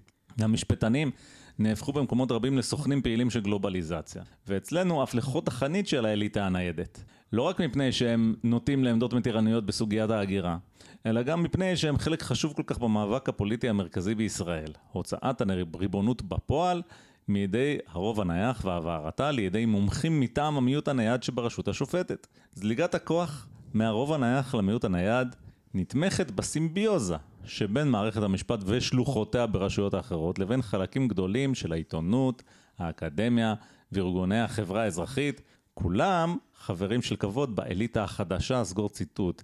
מי לא שייך לאליטה החדשה? זה נשמע לי לא, כל, כל, כל מי ששייך זה כל האנשים שגדי טאוב לא אוהב. 아, אה, זה לא ניידים ולא נייחים ולא שום דבר. אז זה עסקים כרגיל ב... בעולמנו. זה הרי זה כאלה, אין שום קשר פה לניידים ונייחים, זה כבר, אין פה שאלה. כן, זה קשקוש גמור, כבר אמרנו קודם. אה, אני רוצה להתייחס לעניין הזה של כוח פוליטי. זאת אומרת, הדוקטור טאפו מזהה את הכוח הפוליטי, זה כאילו הכוח החשוב ביותר, אבל יש אה, ספק בזה. למה אני אומר? כי יש כל מיני מקרים, אה, אני מכיר את הספציפית דוגמה של, אה, דוגמה אמריקנית, אני לא שונה מטאו בכלום, אז אני מסתכל על אמריקה ואני אומר מה קורה שם. וזה ידוע שבארצות הברית יש כאילו הרבה אסייתים מאוד מאוד מצליחים. הם uh, לומדים באוניברסיטות הכי טובות, יש להם ציונים מעולים, הם הולכים להייטק, עושים הרבה כסף. ויש ציבורים בציבוריות האמריקאית שהלכו לכיוון הפוליטי דווקא, שזה יותר איטלקים ואירים ושחורים, שאמרו איך אנחנו נסתדר פה בארצות הברית, אנחנו צריכים כוח פוליטי. ואם אתה מסתכל על איך הם נראים, כנראה שכוח פוליטי זה לא, לא כל כך הבחירה הנכונה. זאת אומרת, זה נכון שבסוף אם יש לך כוח פוליטי, כן, מאוד מאוד גדול, אתה יכול לעשות דברים, אבל האסייתים נראים יותר טוב מהם. ויש uh, ערים בארצות הברית שלקהילה השחורה שם יש כוח פוליטי גדול, ראש העיר שחור, מפקד המשטרה המקומיות השחור, ועדיין יש להם המון בעיות וממשיכים להתלונן על, על זה שדופקים אותם. אז לא בטוח שכוח פוליטי זה כזה גליק. כוח כלכלי זה כנראה יותר טוב, ככה בגדול, או לפחות זה לא ברור שאחד מהם יותר טוב מהשני. יש כנראה יתרונות וחסרונות לשניהם, אז אני לא, לא יודע גם מה, מה הוא כל כך רוצה. אה, כן, גם, בוא, נגיד, הוא מתלבש על המשפטנים. אני לא יודע, זאת אומרת, אני לא יודע מה קורה בכל מיני מדינות אחרות, שהן לא ישראל. אבל... לא יודע מה קורה אה, בישראל, אבל לא חשוב. זה לא, כן, ימנע מאיתנו לדבר. זה גם נכון. יש כל מיני סוגים של משפטנים, יש כאלה ויש כאלה, נכון? אני לא יודע אם כולם הם בעד אה, גישת, גישה מתירנית להגירה, כן? כמו של מה שאנחנו רואים בארצות הברית, שכשמגיע אה, נשיא שמרן, אז הוא ממנה אה, שמרנים לבית המשפט העליון, וכשמגיע נשיא דמוקרטי, אז הוא ממנה, בוא נגיד, אה, דמוקרטים לעליון, כן? לא בדיוק... אה, בסדר, זה באופן טבעי, כל אחד אה, נכון, בהזדמנות שיש לו, ימנה שופטים שלדעתו הם יותר טובים. יש כאלה. יש, יש כאלה, גם ברמות הכי גבוהות. אז, אז אני לא בטוח, והם לא אליטה, הם כאילו הנייחים, אז אם אתה שופט דמוקרטי, אתה נייד, ואם אתה שופט שמרן, אתה נייח. אנחנו חייבים להפסיק לדבר על הנייד נייח הזה, כי זה כל כך, אנחנו פשוט לא יוצאים מזה. כן, זה די מטופש, אבל כן, בוא, בוא, בוא, בוא, בוא, אה, בוא נדבר על עמדות מטרניות בסוגיית ההגירה. אם אתה מדבר על ישראל, כן. אז ישראל זה אחת המדינות... שהכי קשה להגיע אליהן. עם מדינות ההגירה הכי קשוחות. כן. זאת אומרת, אנחנו כבר ראינו את uh, ראש עיריית שיקגו, רמי מנואל, שהוא אומר, כן, יש אצלי מיליון וחצי מהגרים בלתי חוקיים, ואני הולך אה, להגן עם המשטרה שלי, והלא יודע מה, national guard או whatever, כן? אם יבואו אנשים שירצו, אם תבוא, יבוא הממשל הפדרלי וירצה לגרש אותם. כן. אין אף אחד בישראל שאומר את זה. אנשים אומרים, בואו תגרשו את כל הלא חוקיים, רק מחכים שהממשלה תעשה את זה כבר. זאת אומרת... הממשלה של ביבי, אגב. כן, אין פה שאלה בכלל. זאת אומרת, אף אחד לא... זאת אומרת, מה זה מתירני בנושא של גירוש? בנושא של הגירה, סליחה. אגב, שאלה, אז למה ביבי לא מגרש אותה? או, זה סיפור מאוד מסובך. אה. אוקיי? אני לא רוצה להיכנס לזה עכשיו, כי אנחנו פה אחרי הרבה זמן. האם זה קשור לעניינים בינלאומיים? זה גם. חתומה על... גם או בעיקר? אני לא יודע. אתה לא יודע, אוקיי. ישראל חתומה על כל מיני אמנות בינלאומיות וכאלה. טוב, אני חתרתי פה לאיזשהו כיוון, למי אכפת ממה האחים הבינלאומיים חושבים, אבל בסדר, אם אנחנו לא יודעים מספיק, אנחנו לא נגיד את זה. לא, לא, אני יודע, אני יודע כל מיני דברים, אני מעדיף לא להיכנס לזה, אבל זה בכלל לא קשור לנושא הזה של שופטים שאומרים שהם בעד מדיניות הגירה מתירנית, כי המדיניות בישראל היא מאוד קשוחה, ולמעשה לשופטים אין שום say בנושא הזה. כן. אין say, אין בית משפט להגירה. שמתעסקים בו בעניין הזה, ושופטים, כל מי שמגיע אומרים, כן, בטח תשאירו אותו, זה לא עובד. הולכים למחוזי, הולכים לזה, וכל פעם הפסיקה היא קצת שונה, וכל פעם לא כל כך ברור, כאילו... בוא נגיד גם משהו אחר. זה מגיעים אליהם מקרים, כמו למשל שלאבא, האבא הוא מטורקיה, עובד זר, האימא היא הודית, עובדת זרה, יש ילד משותף, אבל מסתבר שלאבא מטורקיה יש משפחה אחרת שגרה בטורקיה. לאן אתה מגרש את הילד, לאן אתה מגרש את האימא, מה טובת הילד, זה עניינים מסובכים. כן. אז זה קל להגיד גישה מתירנית, אבל לפעמים נוצרות בעיות שוואלה, הם מסובכים. כן. סליחה, אני, מסובכות. עכשיו, דבר נוסף, שלא אני... קשור לבית המשפט, זה יהיה, הר... זה יהיה הרבה הרבה הרבה יותר טוב לנייחים. אם מדיניות ההגירה תהיה טיפה יותר מתירנית. כלומר, אם, יהיה, אם יבוא מישהו לא יהודי שירצה לעשות, אה, לעבור, להגר לישראל, יש לו הרבה כסף, או שהוא אקדמאי מאוד מוצלח, או לא יודע מה, mm. כן, והוא ירצה להגר לישראל, והוא אתה יודע, אפילו בן אדם פחות מוצלח, אבל הוא צעיר, חזק, בריא ורוצה להצליח, אולי זה לא, דבר נכון, טוב. נכון, נכון. איפה אנחנו רואים את זה? איפה זה הכי בולט? כשאתה מסתכל על ההצלחות האחרונות של נבחר, נבחרות ישראל בכדורסל, הנבחרות הצעירות. למשל, שחקן ש... אמור להיבחר uh, בדראפט הקרוב של ה-NBA במקום מאוד גבוה, דני אבדיה. Mm-hmm. נו, אבא שלו סרבי, הוא בא לשחק בישראל כמתאזרח. כן. זאת אומרת, הוא בא כזר והוא התחתן עם בחורה ישראלית. ועמנואל אה, שרפ, והבן של בריסקר, ו... זאת אומרת, הרשימה נמשכת ונמשכת. ובעצם בספורט זה הכי בולט, כי אתה פשוט רואה את התוצאות לפניך. כן. אבל אם תביא מדען ותביא יזם, ולתת לבאמת מספר מוגבל יחסית של אנשים להיכנס, אבל לתת להם, כבעצם לחזק את העוצמה הכלכלית של המדינה.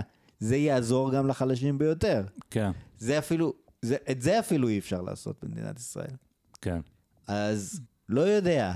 זאת אומרת, מדברים פה הרבה על הגירה, אבל הגירה זה עניין סבוך, וזה בטח לא קשור לאיזושהי אליטה של שופטים. חייב להגיד לך שמכל הדיבורים האלה שדיברנו כאן על כן הגירה, לא הגירה, ומה ההשלכות של הגירה, ומה כדאי לנו ומה לא. עכשיו אנחנו לא מומחים ולא מבינים שום דבר.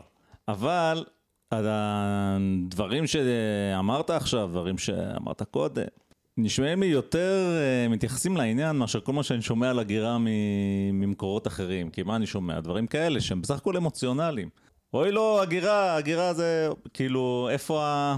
תסביר למה זה רע, למה זה טוב, מה אתה רוצה, מה אתה לא רוצה. לא, כי אומרים, לא, מדינת ישראל זה מדינה יהודית, ואוי ואבוי יהיה אם היא לא תהיה יהודית. אה, נו, בסדר. ידידי היקר, מר חושף, יש כמיליון ערבים בישראל. 1.2 מיליון, שהם לא יהודים. או כן. whatever, אולי יש אפילו יותר, אני לא יודע. אבל דחילה, כאילו. עוד עשרת אלפים מדענים מגרמניה, עשרת אלפים בהגזמה פרועה, כן? לא, לא, לא מזיזים פה במילימטר, ורק יכולים לעזור, לכולם. כן, אני אז- מסכים. אז, אז אה, זה לא קשור בהכרח לאיזושהי גלובליזציה או לא יודע מה. זה קשור לזה שכן, אתה רוצה לעזור לעם היהודי, ולמה לא להשתמש בגויים לעזור לעם היהודי? למה לא? למה לא? אבל אני אגיד לך עוד משהו על גלובליזציה. יש, כאילו הוא דיבר על זה, גלובליזציה נגד פטריוטיות, ככה הוא ניסח את זה. לא, הוא אומר זה מרין לפן אמרה והוא לא מסכים איתה. הוא לא מסכים. אה, אז אכלתי אותה, טוב. אז נמשיך איתו טיפה הלאה. אה, אפתח ציטוט, המושגים פרולטריון ובורגנות או ימין ושמאל אינם יכולים לבאר תופעות אלה. טוב, סגור ציטוט. כי רק המשפט הזה והנייחים וניידים שלך מבאר את התופעות, זה מושגים אה, באמת אה, נטולי תוכן. אה, שלא לדבר על, שוב, חוכמת העבר, המושגים של ימין ושמאל, אפילו פרולטריון ובורגנות, שאני לא, אולי לא הכי מסכים עם זה, אבל לא תגיד שאלה רעיונות מטומטמים לחלוטין, בכל זאת השפיעו קצת. אבל דוקטור טאוב יותר חכם. הוא מבין שזה לא יכול לבאר את התופעות, ולכן הוא ממשיך אה, כדלקמן, נפתח ציטוט, אמנם ההתקוממות של המעמד הנייח כנגד החלשתה של מדינת הלאום, נוטה ללבוש מדי ימין, אבל לא תמיד ולא בהכרח. הפופוליזם האנטי-אירופי באיטליה משלב ימין בשמאל. הברקזיט אינו באופן מובהק זה או זה. אל מול דונלד טראמפ, שבעצמו מערב תפיסות ימניות עם קורטוב של פופוליזם שמאלי, קם פופוליסט הרואה בעצמו סוציאליסט בדמות ברני סנדרס. סגור ציטוט, לא יודע, ברני סנדרס זה היה גם אה, לפני טראמפ, אם אה, אני זוכר נכון. לא יודע, עזוב, זה, אני לא מבין בכלל מה הוא מנסה להגיד. פה. אגב, אבל רציתי. להגיד, רציתי להגיד משהו נוסף. כן. שבאמריקה, כן, זה מדינה של מהגרים הרי. כן. מכל מקום בעולם. ללא אה, דת, אה, צבע ומין, כן? אה, bring us your poor and helpless and כל השטויות האלה. כן. וגם, אה, אז, אז מה התפיסה הלאומית שמה? בעצם מי שמתנגד עכשיו להגירה, לאיזה לאום כאילו הוא משתייך? לא, תשמע, אם יש שם לאום, אה, ויש שם, אה, לדעתי, זאת אומרת, אה, להיות אמריקאי, אני חושב שזה דבר אמיתי. גם אני חושב, אז יש אבל לאום מה אמריקאי. הלאום הזה? הלאום האמריקני הוא לאום באמת מיוחד. לא, הוא לא מיוחד. לא- גם קנדה היא כזאת, גם ישראל היא כזאת, כי בסופו של דבר יש לך אנשים פה מכל הגלויות שהתקבצו. זה לא פינלנד, אתה לא גר בפינלנד. כן, זה נכון. אבל בישראל אני חושב שכן יש, אה, זאת אומרת, איזה לאום יהודי שאתה יכול לזהות אותו, כאילו, לאורך הרבה מאוד שנים אחורה. אבל קנדה זו דוגמה טובה. כי זה כאילו סוג של לאום חדש כזה, נכון? כאילו, צר פשוט. מאות אני לא שנים יודע אם יש האחרונות. לאום קנדי, אנשים פשוט, בקנדה, אמנם ג'ורדן פיטרסון הוא הוא מ-U of T, אבל בקנדה, אנשים לא מקשקשים על זה כל כך הרבה, כאילו. טוב, הם לא צריכים. לקשקש על כלום, כי יש להם את האמריקאים מדרום שהם יכולים לדבר עליהם. לא, כאילו, אתה יודע, מה זה לא מקשקשים על זה? אולי יש להם גם גדי טאוב, אני לא מכיר, אבל אנשים אומרים כאילו, וואלכ, אני קם בבוקר, חי, הולך לעבודה, אוקיי, באו עוד אנשים, הלכו עוד אנשים, זה לא כזה קטע, אתה מבין? כן. בישראל זה הרבה יותר כאילו, מה, הגירה, אוי ואבוי. מצד שני, יש להם יותר שטח. אתה יודע מה, חשבתי. על עוד משהו, הוא מדבר על זה שהוא כאילו קשר בין מדינה, מדינת לאום לדמוקרטיה, אבל אני באמת כאילו קצת שואל את עצמי. אני כן מסתכל על ארה"ב שהיא הדמוקרטיה הכי גדולה בעולם. אמרתי, יש לאום אמריקני, אבל הוא לא כמו שאר הלאומים, נכון? זה לא כמו הלאום הגרמני או הלאום הצרפתי, או הלאום הפולני, או הלאום הסיני. מדינת לאום, ארה"ב היא לא מדינת לאום כמו שגרמניה מדינת לאום, וגם לא כמו שישראל היא מדינת לאום. אז אני חושב שזה קצת אה, מפריך את הקשר הזה שהוא קשר. זאת אומרת, ה- בישראל כתוב, כן, כתוב, אין לנו חוקה, אבל יש מגילת העצמאות. מה כתוב? בארץ ישראל קם העם היהודי, זה מה שכתוב. בארצות הברית יש חוקה, ובחוקה לא, אין, זה כתוב בשפה האנגלית, כן, אבל אין שם שמץ. לא איזה עם זה, ולא מאיפה זה בא, ולא כלום. זה מסמך שמסדיר את ענייני המדינה, זה מה שהוא עושה. ויש שם הרבה פטריוטיות בארצות הברית, אפילו יותר מפה. אה, כן, זאת, אתה אתה יכול להיות פטריוט. בוא נגיד ככה, זה, אנחנו כאילו, אני אתעלם לרגע מכל הבעיות ש, שהיו ו, ו, בארצות הברית, אבל זה לא משנה, אתה זה credit where credit is due, כן? כמו שאומרים. אני לא חושב שיש עוד מדינה אחת ש... זו המדינה הראשונה בטוח, שהוקמה על יסוד של מסמך. באו אנשים שהיו, אתה יודע, האנשים המשפיעים בקהילה שלהם, כתבו את המסמך הזה, זה מסמך די מופלא, אני מאוד אוהב אה, כל מיני חלקים שלו. כן, אתה יכול להיות מישהו שכרגע בא מדרום קוריאה, לגור בארצות הברית, ולהגיד, כן, אני פטריוט אמריקאי. ו- ולא לשקר, כן? כן. ולהרגיש שאתה פרטית אמריקאי, ולהתגאות בזה שאתה אמריקאי. כן, רק בגלל שאתה... בן אדם כמו איין רנד, איין רנד זה בדיוק דוגמה כזאת, כי היא נולדה ברוסיה, היא לא זוכר בדיוק את הסיפור האישי שלה, הגיעה לארה"ב, מבחינתה כאילו ארה"ב זה אין שום דבר, לא היה ולא יהיה שום דבר יותר טוב מארה"ב. היא מאוד אה, פטריוט, פטריוטית אמריקנית אם אתה רוצה, אה, כי היא חושבת שארצות כן. הברית זה המקום עם העקרונות הנכונים, והיא גאה להיות חלק מזה, כן. וזה פטריוטיות יותר אמיתית אני חושב אפילו בעיניי מלהגיד סתם אני יהודי ואני בעד היהודים, כן אני יהודי. כי... זה פחות עמוק. טוב, בואו בוא נמשיך קצת הלאה, כי אחרת זה לא ייגמר אף פעם. פתח ציטוט, פירוש הדבר הוא שאין צורך להשאיר מאבק חשוב זה רק בידי הימין. לא כל שכן להסגירו לידי הימין הקיצוני. השמאל והמרכז הוותיקים צריכים לקחת בו חלק. לצורך כך עליהם להפסיק לפחד מן הדמגוגיה של האליטה החדשה, המכנה כל לאומיות בשם פשיזם, וכל מגבלה על הגירה גזענות, ולצאת בלי היסוס להגנת הדמוקרטיות הלאומיות. סגור ציטוט. טוב, נו, שי.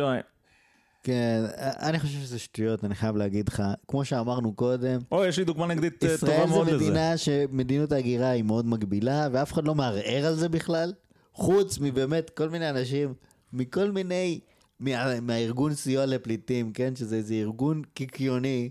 תראה, יש סיוע, שיש, אה, סליחה, אה, דעות כאלה, כמו שהוא אומר פה, כן, הפשיזם והגזענות, גם אנחנו אמרנו את זה קודם. אלה דברים קיימים. אבל זה לא מגיע משום אליטה. אם האליטה מתבטאת כך, זה בגלל שהאליטה התאימה את עצמה לקולות אה, שבאים מלמטה, שהאליטה, כן, חפצה בעיקרם, או, רוצה איזה קשר איתם. אה, מדוע אני אומר את זה? יש לי דוגמה נחמדה. אם אה, אתה מסתכל על, אה, שוב, דוגמה מאמריקה, על הילרי קלינטון. אז הילרי קלינטון, בשנת אה, 2015, אמרה שנישואים חד-מיניים צריכים להיות מעוגנים בחוקה האמריקנית. בחוקה האמריקנית, זה חתיכת עניין להכניס משהו חדש לחוקה האמריקנית, כן? לעומת זאת, בשנת אה, 2000, היא אה, אמרה שלדעתה נישואים הם בין גבר לאישה, שזה, מי שלא מכיר את האמריקאים, זה מה שהרפובליקנים שם כל הזמן אומרים. כל מי שמתנגד לנישואי גייז, הם אומרים marriage is between a man and a woman. זה ככה תמיד, זה מה שהיה marriage וככה זה צריך להישאר. אז הגברת קלינטון אה, שינתה את דעתה משנת 2000 לשנת 2015. עכשיו, לאנשים מותר לשנות את הדעות שלהם, אבל אנחנו לא נולדנו אתמול. אנחנו מבינים שהשיח הציבורי השתנה. בין 2000 ל-2015, כל העניין הזה של נישואי גז נהיה הרבה יותר מקובל, והיא פשוט זורמת עם רוח הזמן. ואם היא לא אליטה, אז אני לא יודע מי אליטה. כן, זאת אומרת, אישה שהייתה פוליטיקאית בכירה בארצות הברית, היא הייתה, גם כש, כשבעלה היה נשיא, אה, האנשים אמרו ש-they got two for the price of one, בגלל שהיא לא הייתה איזה אשת נשיא שהיא סתם אחת מהצד שבה הם במקרה מגיעה עם הנשיא, כן? היא תמיד הייתה פעילה אה, פוליטית רצינית מאוד. אז לא אליטה, איזה אליטה. דברים פשוט קורים בעולם. אגב, גם גלובליזציה, מה שרציתי להגיד קודם, למרות שאולי זה לא העמדה שלו. זה לא שיש איזה עיקרון שנקרא גלובליזציה ועיקרון אחר שנקרא פטריוטיות. גלובליזציה זה משהו שפשוט קורה בעולם כי העולם השתנה. כי עולם שבו אתה יכול לחצות את העולם ביום במטוס, זה פשוט לא אותו עולם שבו, אתה יודע, שיש לך את רומא ואת סין נגיד, באותה תקופה והן לא מודעות אחת לשנייה, לא יודעות שהן... כי העולם הזה היה הרבה יותר קשה אז. לא, לא רק זה. מי שסוגר את עצמו, כמו באותן, כן? המדינה הזאת בהרי ההימאליה. כן. שרק אם אתה יכול להיכנס, אתה חייב לשלם 200 דולר ליום אה, כדי לקבל ויזה. כן. אז, אה. אנשים הולכים שם עם ריקשות, ושם באמת לוקחים משהו מים מהבאר. לעומת זאת, כן. מדינה כמו ארה"ב, שאומרת, יאללה, סחר חופשי, וטוב, עכשיו אולי לא עם טראמפ, אבל סחר חופשי, ואנחנו נעביר מפעלים לסין וכל מיני דברים כאלה, אז המדינה הזאת היא פורחת. כן. אז פשוט רעיונות טובים מנצחים, ורעיונות פחות טובים מתים. ויש רעיונות שהם לא רעיונות בכלל, כמו חלק מהרעיונות האלה. אה, בואו נמשיך עם אה, הדוקטור טאוב. פתח ציטוט, הסכנה היא ממשית. בחסות הסיסמה דמוקרטיה אינה שלטון הרוב, ולכאורה גם בשמם של מיעוטים, מבקש הליברליזם החדש לחתור תחת זכות ההגדרה העצמית של הרוב, וזכותו להחזיק בריבונות על גורלו. לכן יש לרסן את האליטה הזאת באמצעות המוסדות הנבחרים, ולהחזירה לגודלה הטבעי, שהרי לא ייתכן למסור את ניהול הדמוקרטיות הלאומיות לידי מיעוט, שמרבה כל כך להטיל ספק בעצם ההצדקה לקיומן, ושבמקרים רבים מינה את עצמו לפרקן.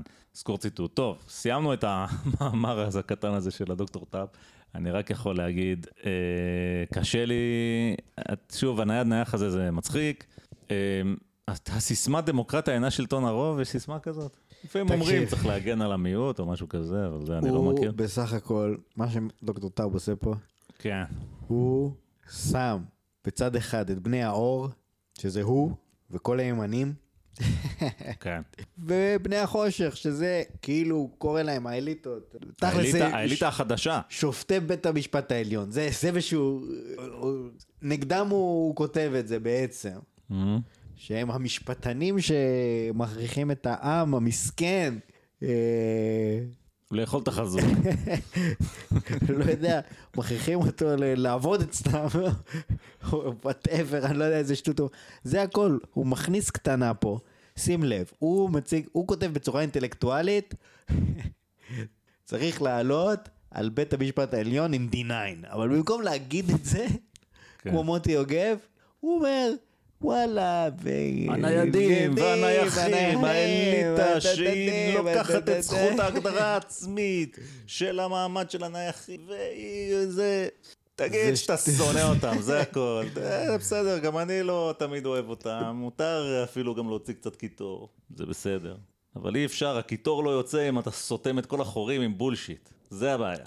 אנחנו אנחנו יוצאים נגד זה, אנחנו בתור ימנים, אנחנו יוצאים נגד זה. עזוב ימנים, אני בתור סתם בן אדם שרוצה לקרוא מילים בעברית ולהבין מה שכתבו לי, כאילו המצאנו שפה בשביל לתקשר, לא בשביל uh, לבלבל את המוח. עכשיו אני מבין, רטוריקה וזה, גם אני חוטא מעט ברטוריקה, ככה פה ושם. אבל לא יודע, הוא רצח אותי, אני גבור. לא, אני אומר לך. אני אומר לך, אני מת.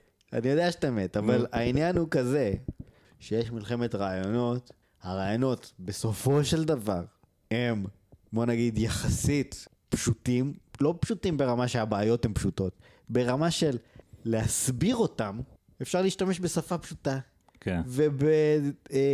ובתיאורי מקרים פשוטים, ולא צריך ללכת לאיזושהי, לאיזשהם מחוזות של איזשהם רעיונות מאוד מאוד מורכבים, שהם בעצם התיאוריה של מה שקורה פה. לא, הדברים הם פשוטים סך הכל. לא רק זה, הוא גם טען קודם, אה, להזכירך, שהמושגים הישנים של ימין ושמאל הם, הם לא יכולים לבאר את התופעות החדשות שרואים, כן? עולם חדש ומופלא ש, שהדוקטור טאו פה הבין אותו וניתח אותו.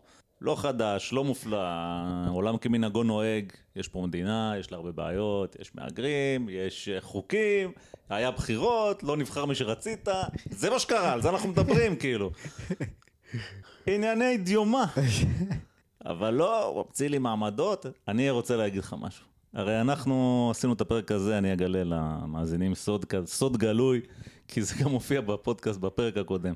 שאני אמרתי, לא, כאילו, אנחנו קצת קלישאה של עצמנו, יורדים על שמאלנים כל הזמן, בואו נרד קצת על ימנים. ואז קצת אה, ככה חפרנו, מצאנו את החבר הזה, טאוב, שכן, הוא ידוע ומוכר. עכשיו אני אגיד לך משהו. נראה לי שנחזור לרדת על שמאלנים, כי החוויה הזאת שאני עברתי עכשיו, זה לא היה נעים, ומה אני אגיד לך, אני מרגיש שככה גזלו לי את זכות ההגדרה העצמית כמעט. לא, לא הבנתי, למה, למה. אתה אומר? למה אני אומר? מכיוון ש... אתה יודע, מדבר הרבה על שמאלנים, אני לא יודע, אני לא רוצה להגיד שמאלנים, כי זה לא עניין של שמאלנים. אני לא אוהב, אה, איך אמרת, פסאודו-אינטלקטואליזם, כן, או... או במילים קצת איזה פחות יותר עממיות, בן אדם שהוא אובר חוכם. תגיד מה שאתה רוצה להגיד, אל תבלבל לי את המוח, אל תמציא מושגים רק לשם המצאת מושגים, כי אתה אינטלקטואל וזה מה שאתה עושה.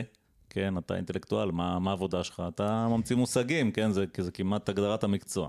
אה, להמציא מושגים, מושגים זה דבר טוב כשהוא עוזר, אבל אפשר גם להמציא מושגים סתם, כן? אני לא, לא אכנס לזה עכשיו, כי אני גם לא, אחרי כל ההרצאה הזאת, אני לא, לא לגמרי במיטבי, אבל אני חושב שאנשים מבינים אה, למה אני מתכוון. אתה יכול להפריח הרבה מאוד מילים, ולא להגיד כלום, או להגיד, כאילו, זה מוסווה, נכון? זאת זאת אומרת, אתה קורא את המאמר של דוקטור טאב, אם אתה סתם קורא אותו, אתה כזה, כן, כן, זה, תשמע, מעמד, אנשים נאבקים, או יש לו פה, הוא אומר דברים. אחר כך שואל אותך, נו, ומה הוא אומר? אתה, אתה קצת תתבלבל, כי הבליל של המילים לא באמת מייצר שום דבר קוהרנטי. אם אתה עושה מה שאנחנו עשינו עכשיו, ואתה באמת מתייחס למשפטים שהוא כתב, ואתה מתייחס לכל מילה, אז מה גילינו? אנחנו לא איזה אנשים מומחים, סתם מתוך ניסיון להבין את השפה העברית. אני לא יודע להגיד לך בדיוק מה הוא רוצה, אני מבין שהוא לא אוהב את השמאלנים, זה הבנתי. לא אוהב את בית המשפט העליון, אני מקבל את הפרשנות שלך, אגב, זה לא בדיוק כתוב בטקסט. לא, הוא כתב כמה פעמים. משפטנים וזה, נו, אל תהיה ילד. גם ראית את זה בפוסט שלו על הבחירות. לא, אני מבין שהוא נגדם. אני רק אומר שכל התזה הזאת, כאילו איך היא קשורה אליהם, אני לא מבין. אז אני מתוסכל, מה אני אגיד לך? אני רוצה שידברו איתי דוגרי, כאילו, מה כבר ביקשתי? שיגידו מה רוצים, ואני מרגיש שהשמאלנים שירדנו עליהם בעבר היו יותר קוהרנטיים ממנו, אז אני כאילו קצת, אתה יודע, אני קצת מבואס. אני מקבל. טוב, אה, אז אנחנו, הפרק הזה ככה התארך לו, כי הדוקטור טאוב הוא כמעיין המתגבר. אה, אז אנחנו ככה כבר מתכוננים לנחיתה, אבל אה, לפני סיום אנחנו נתייחס לעוד פוסט נוסף של הדוקטור טאוב, פוסט קצר יותר הפעם. אפתח ציטוט, תקשיבו חברים, זה חשוב מאוד. בשנים האחרונות צץ בארצות הברית מושג חדש שנקרא ניכוס תרבותי. ניכוס תרבותי זה כשאדם עושה מעשה כלשהו שבמהותו אופייני לתרבות אחרת. נגיד שאיש לבן מניו יורק ישים על הראש סומבררו. אז יגידו לו שהוא מנכס את התרבות של המקסיקנים וזה גזעני מצידו. לנו כישראלים זה נשמע מטופש כי אנחנו כולנו, סליחה, כי אנחנו כולנו מורכבים מהמון תרבויות שמקורן בארצות המקור של הסבים והסבתות שלנו. כך יוצא שאשכנזי נהנה ממופלטה במימונה, טוניסאי יכול להתפנק על קני דלח, הרוסי על קוסקוס וכן הלאה. כולם מרוויחים וכולם נהנים. אנחנו חלקי פסיפס צבעוניים שמרכיבים יחד תמונה גדולה, מיוחדת ויפה מאוד. לאחרונה יש ניסיון על ידי אותם כוחות שמנסים לגרום לנו לריב כל הזמן, להלן, הוא גם מבאר מהכוחות האלה, להלן, שמאלנים פרוגרסיביים, לרוב במימון כסף זר מאירופה, אה, שגם ידוע בכינויו הקרן החדשה לישראל. אלה שתמיד דוחפים מאחורה בהפגנות החד-הוריות, הפגנות הלהט"ב, הפגנת הדרוזים, הפגנת האתיופים, הפגנת הנכים, למצוא בשבילנו עוד סיבה לריב. ככה הם יותר אוהבים אותנו, בחתיכות, לא כישראלים. הם מנסים להביא לפה את הקונספט של הניכוס התרבותי. הוא מסביר הבחור מהסרטון של כאן 11, שסבלימינל וסטטיק אה, ובן אל הם גזעניים, כי הם השתמשו במוטיבים אפריקאים בקליפים שלהם. קולטים את החוצפה? הוא הבעלים של יבשת אפריקה כי אה, סבא או אבא שלו או הוא נולדו שם. כולם מפחדים שיקראו להם גזענים. במיוחד האומנים בברנז'ה, ואתם תתחילו לראות אומנות פופולרית שמצנזרת את עצמה. זה קורה עכשיו על טורבו בארצות הברית. וככה בדיוק שותלים רעיונות כאלה בציבור. אם לא נעמוד מול הרעיון השטני הזה, שמטרתו רק לסכסך בינינו, ונבטל אותו עכשיו כשהוא עוד קטן, בעוד כמה שנים אשכנזים יחשבו פעמיים אם לשים תרבוש או לאכול מופלטה, כי לא ירצו שיקראו להם גזענים. אז לפני שיהיה מאוחר, תתחילו להיות מודעים ותגנו על הפסיפס שלנו. סגור ציטוט. אז מה, מה יש לך להגיד על uh, העניין הזה של הניכוס התרבותי והדוקטור טאו? קודם כל, כן, כשאנחנו מדברים על ניכוס תרבותי, אני לא חושב, אין לי שום, אנחנו מסכימים עם גדי טאו לחלוטין, זאת אומרת, הוא צודק. אני, הרעיון הזה של, אה, אם תעשה היום, למשל, אה, ג'סטין טרודו, ראש ממשלת קנדה, כן. הוא נתפס שהיה סרטון שלו מ-2001, שהוא עושה brown face. הוא צבע את הפרצוף שלו לחום. Mm, אוקיי. לא יודע בדיוק למה. לא, אבל הוא עשה brown. face, אני לא יודע, הוא התחפש אוקיי. למקסיקני, או לא יודע למה הוא התחפש, כן? אוקיי. אולי ל native American, לא יודע למה הוא התחפש. כן. ויש עכשיו אה, סערה גדולה בקנדה, בקנדה זה הדאגות שלהם. כן. סערה גדולה בקנדה, וכמובן שהוא מתנצל על זה, הוא אומר, כן, זה היה לפני 20 שנה. אני לעולם לא אצבע שום איבר בגופי לשום צבע יותר לעולם. כן. כן. והדברים האלה הם אה, מטרידים, זאת אומרת, בסופו של דבר, אה, חצ... אני סורי, ואם מישהו יאכל מג'דרה, אני אפרגן לו על זה, כאילו, אין פה איזה עניין, כן? כאילו, קצת, קצת, או אם אני רואה ישראלים, אם אני רואה סרט שצוחק על ישראלים בהוליווד, זה יכול להצחיק אותי מאוד, כאילו, אני לא... זאת אומרת, אני מאוד לא הייתי רוצה שכמו שאנחנו אז ראינו, כמו שראינו את הבחור האתיופי בסרטון של כאן 11 על זה ש... לא יודע מה, רואים אה, אנשים שנראים כאפריקאים רוקדים ב, אה, אה, בקליפ הזה של סטטיק ובן אל, כן. אני לא כל כך מבין מה, מה יש לו להיעלב מזה, כאילו, בסדר, אז אנשים רוקדים, כאילו, מה הסיפור? כן. לא ניסחתי את זה בצורה הכי מדויקת, יכול להיות שהוא נורא נעלב מזה, אבל בסדר, כאילו, אה, תשמע, יש כל מיני אנשים, חלק כן. נעלבים וחלק לא, אבל אני כן חושב שזה לא איזה משהו מאוד מאוד חזק בישראל בינתיים, שם, כמו שאמרתי לך, זאת אומרת, אם ימצאו סרטון של ביבי, שהוא צבע את הפרצוף שלו לשחור מלפני 20 שנה, אף אחד לא יגיד על זה כלום, כי זה באמת לא יעניין אף אחד, כי בישראל זה, אין עדיין את העניין הזה של cultural appropriation, אבל, כן, אנחנו עדיין עסוקים בלמנוע מאוטובוסים להתפוצץ.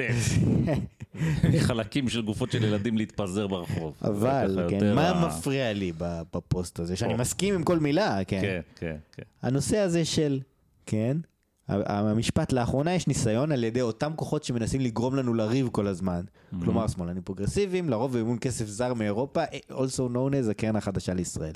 כן. זאת אומרת, מה הוא טוען, כן, שהפגנת הלהט"ב, הדרוזים, האתיופים, הם לא רוצים, אין ל... הם לא מפגינים באמת. זאת אומרת, הם לא מפגינים כי הם באמת אה, מרגישים פגועים או מהיחס למשטרה, או מהחוק הלאום, או מהזכויות שהם רוצים ושאין להם כמו הלהט"ב, אלא הם מוסתים, וממומנים. ממומנים, כן. על ידי כוחות הרשע מאירופה. עכשיו, בחייאת גדי, כאילו, איך זה קשור? אתה ראית סרטון שממומן על ידי המדינה, על ידי כאן 11, זה מה שראית. של איזה מישהו שאומר שהוא נעלב כי, כי ירקדים אפריקאים, מותר לו גם להיעלב, זה לא איזה, לא משהו שאסור. לא הייתי רוצה שנגיע לרמת אה, אה, היעלבויות כאלה, כן? שלא צריך, לפעמים אנשים יכולים גם קצת להיעלב, זה לא קרה שום דבר.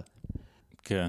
אה, לא חושב שצריך לאסור על להיעלב בחוק, אבל להעליב, להעלב, דווקא ההפך. להעליב. להעליב, להעליב. אבל לא, בוא נגיד ככה, מה שקרה זה דבר די פשוט. אנשים אה, כמונו, אנשים שיש להם אינטרנט, זה אפרופו הגלובליזציה.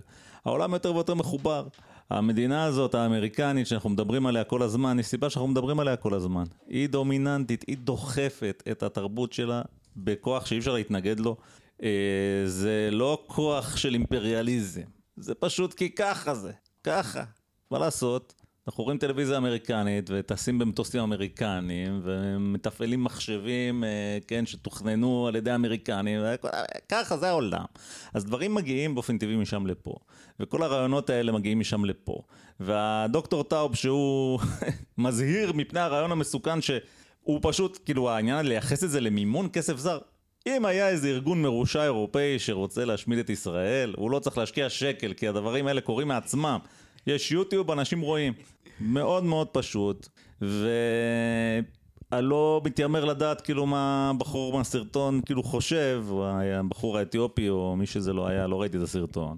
לא יודע מאיפה זה בא לו, אבל אני מעלה תזה שגם הוא קיבל את הרעיון הזה מחו"ל. זאת אומרת, אה, לא יודע אם זה, אולי זה הפריע לו לפני שהוא ידע איך לקרוא לזה. אולי לא, ורק כשאמרו לו זה התחיל להפריע לו. אני לא, לא מכיר את הבן אדם, אני לא יודע. אבל אה, מבחינתי דוקטור טאו פה פשוט תורם לאותה מגמה. במקום שאנחנו כישראלים נסתכל על האמריקאים ונגיד, נו, תראה באמת עם מה הם מתעסקים. והוא מתחיל להתעסק בזה בעצמו. ולכן, אני חושב, לא יודע, בעקבות כל הפודקאסט הזה, אני אגיע למסקנה ש... יש כאילו אמריקניזציה מאוד מאוד חזקה של התרבות הישראלית, עד כדי כך שאנחנו מוטרדים מבעיות פוליטיות שהן לא שלנו. מוטרדים. כותבים על זה מאמרים, מתנגחים אחד עם השני בפייסבוק, כאילו. לא, אני, אני מסתכל על משהו אחר. אני, מה שאני רואה פה, זה שדוקטור טאוב, כחלק מה, מהתזה שלי על, על תפיסת העולם שלו, כן. הוא בסך הכל מחלק את העולם לזה שיש אנשים שהם טובים, שהם ימנים, ויש אנשים רעים שהם שמאל. כן. ואני אתן לך פרש... פרשנות אחרת לעניין. וכל מה שהם עושים, זה הם סוכני רשע. כן. אגב, הוא לא אומר האיש הספציפי הזה, כן? האיש הספציפי, הבחור ספציפי ש, ש, ש, שמופיע בסרטון ודיבר על cultural appropriation, הוא טועה. והוא אה, אה, מכניס פה רעיון מסוכן, וערוץ 11 שנתן לו במה נגיד, לא היה צריך לתת לו, זה משהו אחד. אלא הוא מדבר על כוחות רשע. כן. ופה אני כבר לא מסכים איתו. כן, אני גם לא מסכים, אני לא חושב, גם אם, בוא נגיד שגם אם, אה, אתה יודע, אני מתעניין בדברים האלה, ואם אני רואה איזה, מג... יש כאילו קבוצה של אנשים שמתחילה להאמין ברעיונות האלה ורוצה לקדם כל מיני חוקים, שאולי אתה תגיד שהם כן רוצים כאילו להוציא את ההעלבות מחוץ לחוק, כן, וזה כבר מתחיל להיות כאילו משהו פוליטי רציני. אז זה מטריד, אבל בכל מקרה זה משהו שהוא די קרה באופן טבעי, זאת אומרת אין איזה mastermind, כן, שיש אנשים שבוחשים בקלחת כמו בכל דבר פוליטי, אבל אין איזה mastermind שיושב, בטח שלא איזה, גם מה הקשר אירופה, כאילו זה כל דברים אמריקאים, באותה מידה שאירופאים מתייחסים לדברים האלה זה בגלל שהם עוברים את מה שאנחנו עוברים, הם מסתכלים על אמריקה ופשוט מייבאים משם את כל הרעיונות שלהם, אה, בדיוק כמונו. אני רוצה להזכיר שאם כשאירופה רשע אירופאי שרוצה להשמיד את העולם, ראינו דבר כזה פעם, זה הרבה הרבה יותר מסוכן ו... ואלים מלא יודע לתת קצת כסף למישהו שיעשה סרטון, כן? אם זה, מש... אם זה הרשע שהאירופאים יכולים להוציא היום, אני חושב שאני מברך אותם, אני חושב שהם יתקדמו הרבה ואני מקווה שהם יישארו ככה ולא לא יחזרו לדרכיהן הישנות, שהם פשוט, אה, כן, הרסו את כל העולם בכמה שנים. ו- אבל... ו- ויותר מזה אני אגיד לך. כן, או. אני אגיד לך יותר מזה. כי עלה לי עכשיו משהו חדש. אליטה חדשה. שקשור, שקשור לזה. כן, אליטה חדשה. ה- שהימין, כן, שביבי הוא בשלטון עשר שנים, והוא מתחיל להגיד, אני, אולי הוא ספציפית לא, אבל כשהימנים, כמו דוקטור גדי טאו, מתחיל להגיד, העם, הלהט"בים, הדרוזים, האתיופים, העם הזה, הם חיים בתודעה כוזבת. הסיתו אותם. אנחנו יודעים מה נכון. כן. או, זה טוב שאמרת את זה, זה יפה, אהבתי, אנחנו יודעים מה נכון. אהבתי. הם, הם חבורה של... זאת אומרת, חוק הלאום לא השפיע עליהם, כן? האלימות המשטרתית זה לא העניין. כן, זה שהם לא יכולים להתחתן, לאמץ ילדים, בלה בלה בלה בלה בלה, לא רלוונטי. כן. התודעה הכוזבת שלהם מונעת מאיתנו, האליטה החדשה בעצם, כן. להביא את ישראל לעולם חדש מופלא. טוב, ג'ריידי, זה היה מבריק, מה שאמרת עכשיו היה מבריק. אני מאוד שמח שאמרת את מה שאמרת. הדוקטור טאוב, אנחנו דנים אה, כשעתיים פלוס, אה, כמעט שלוש שעות כבר, זו התוכנית הכי ארוכה שאנחנו עשינו אי פעם. קבל את ברכתנו החמה, וקבל את ברכתנו על עוד משהו, כי ג'ריידי פה בעצם אה, חשף אה, את העניין, אני חושב. אתה האליטה החדשה. אתה והחברים שלך.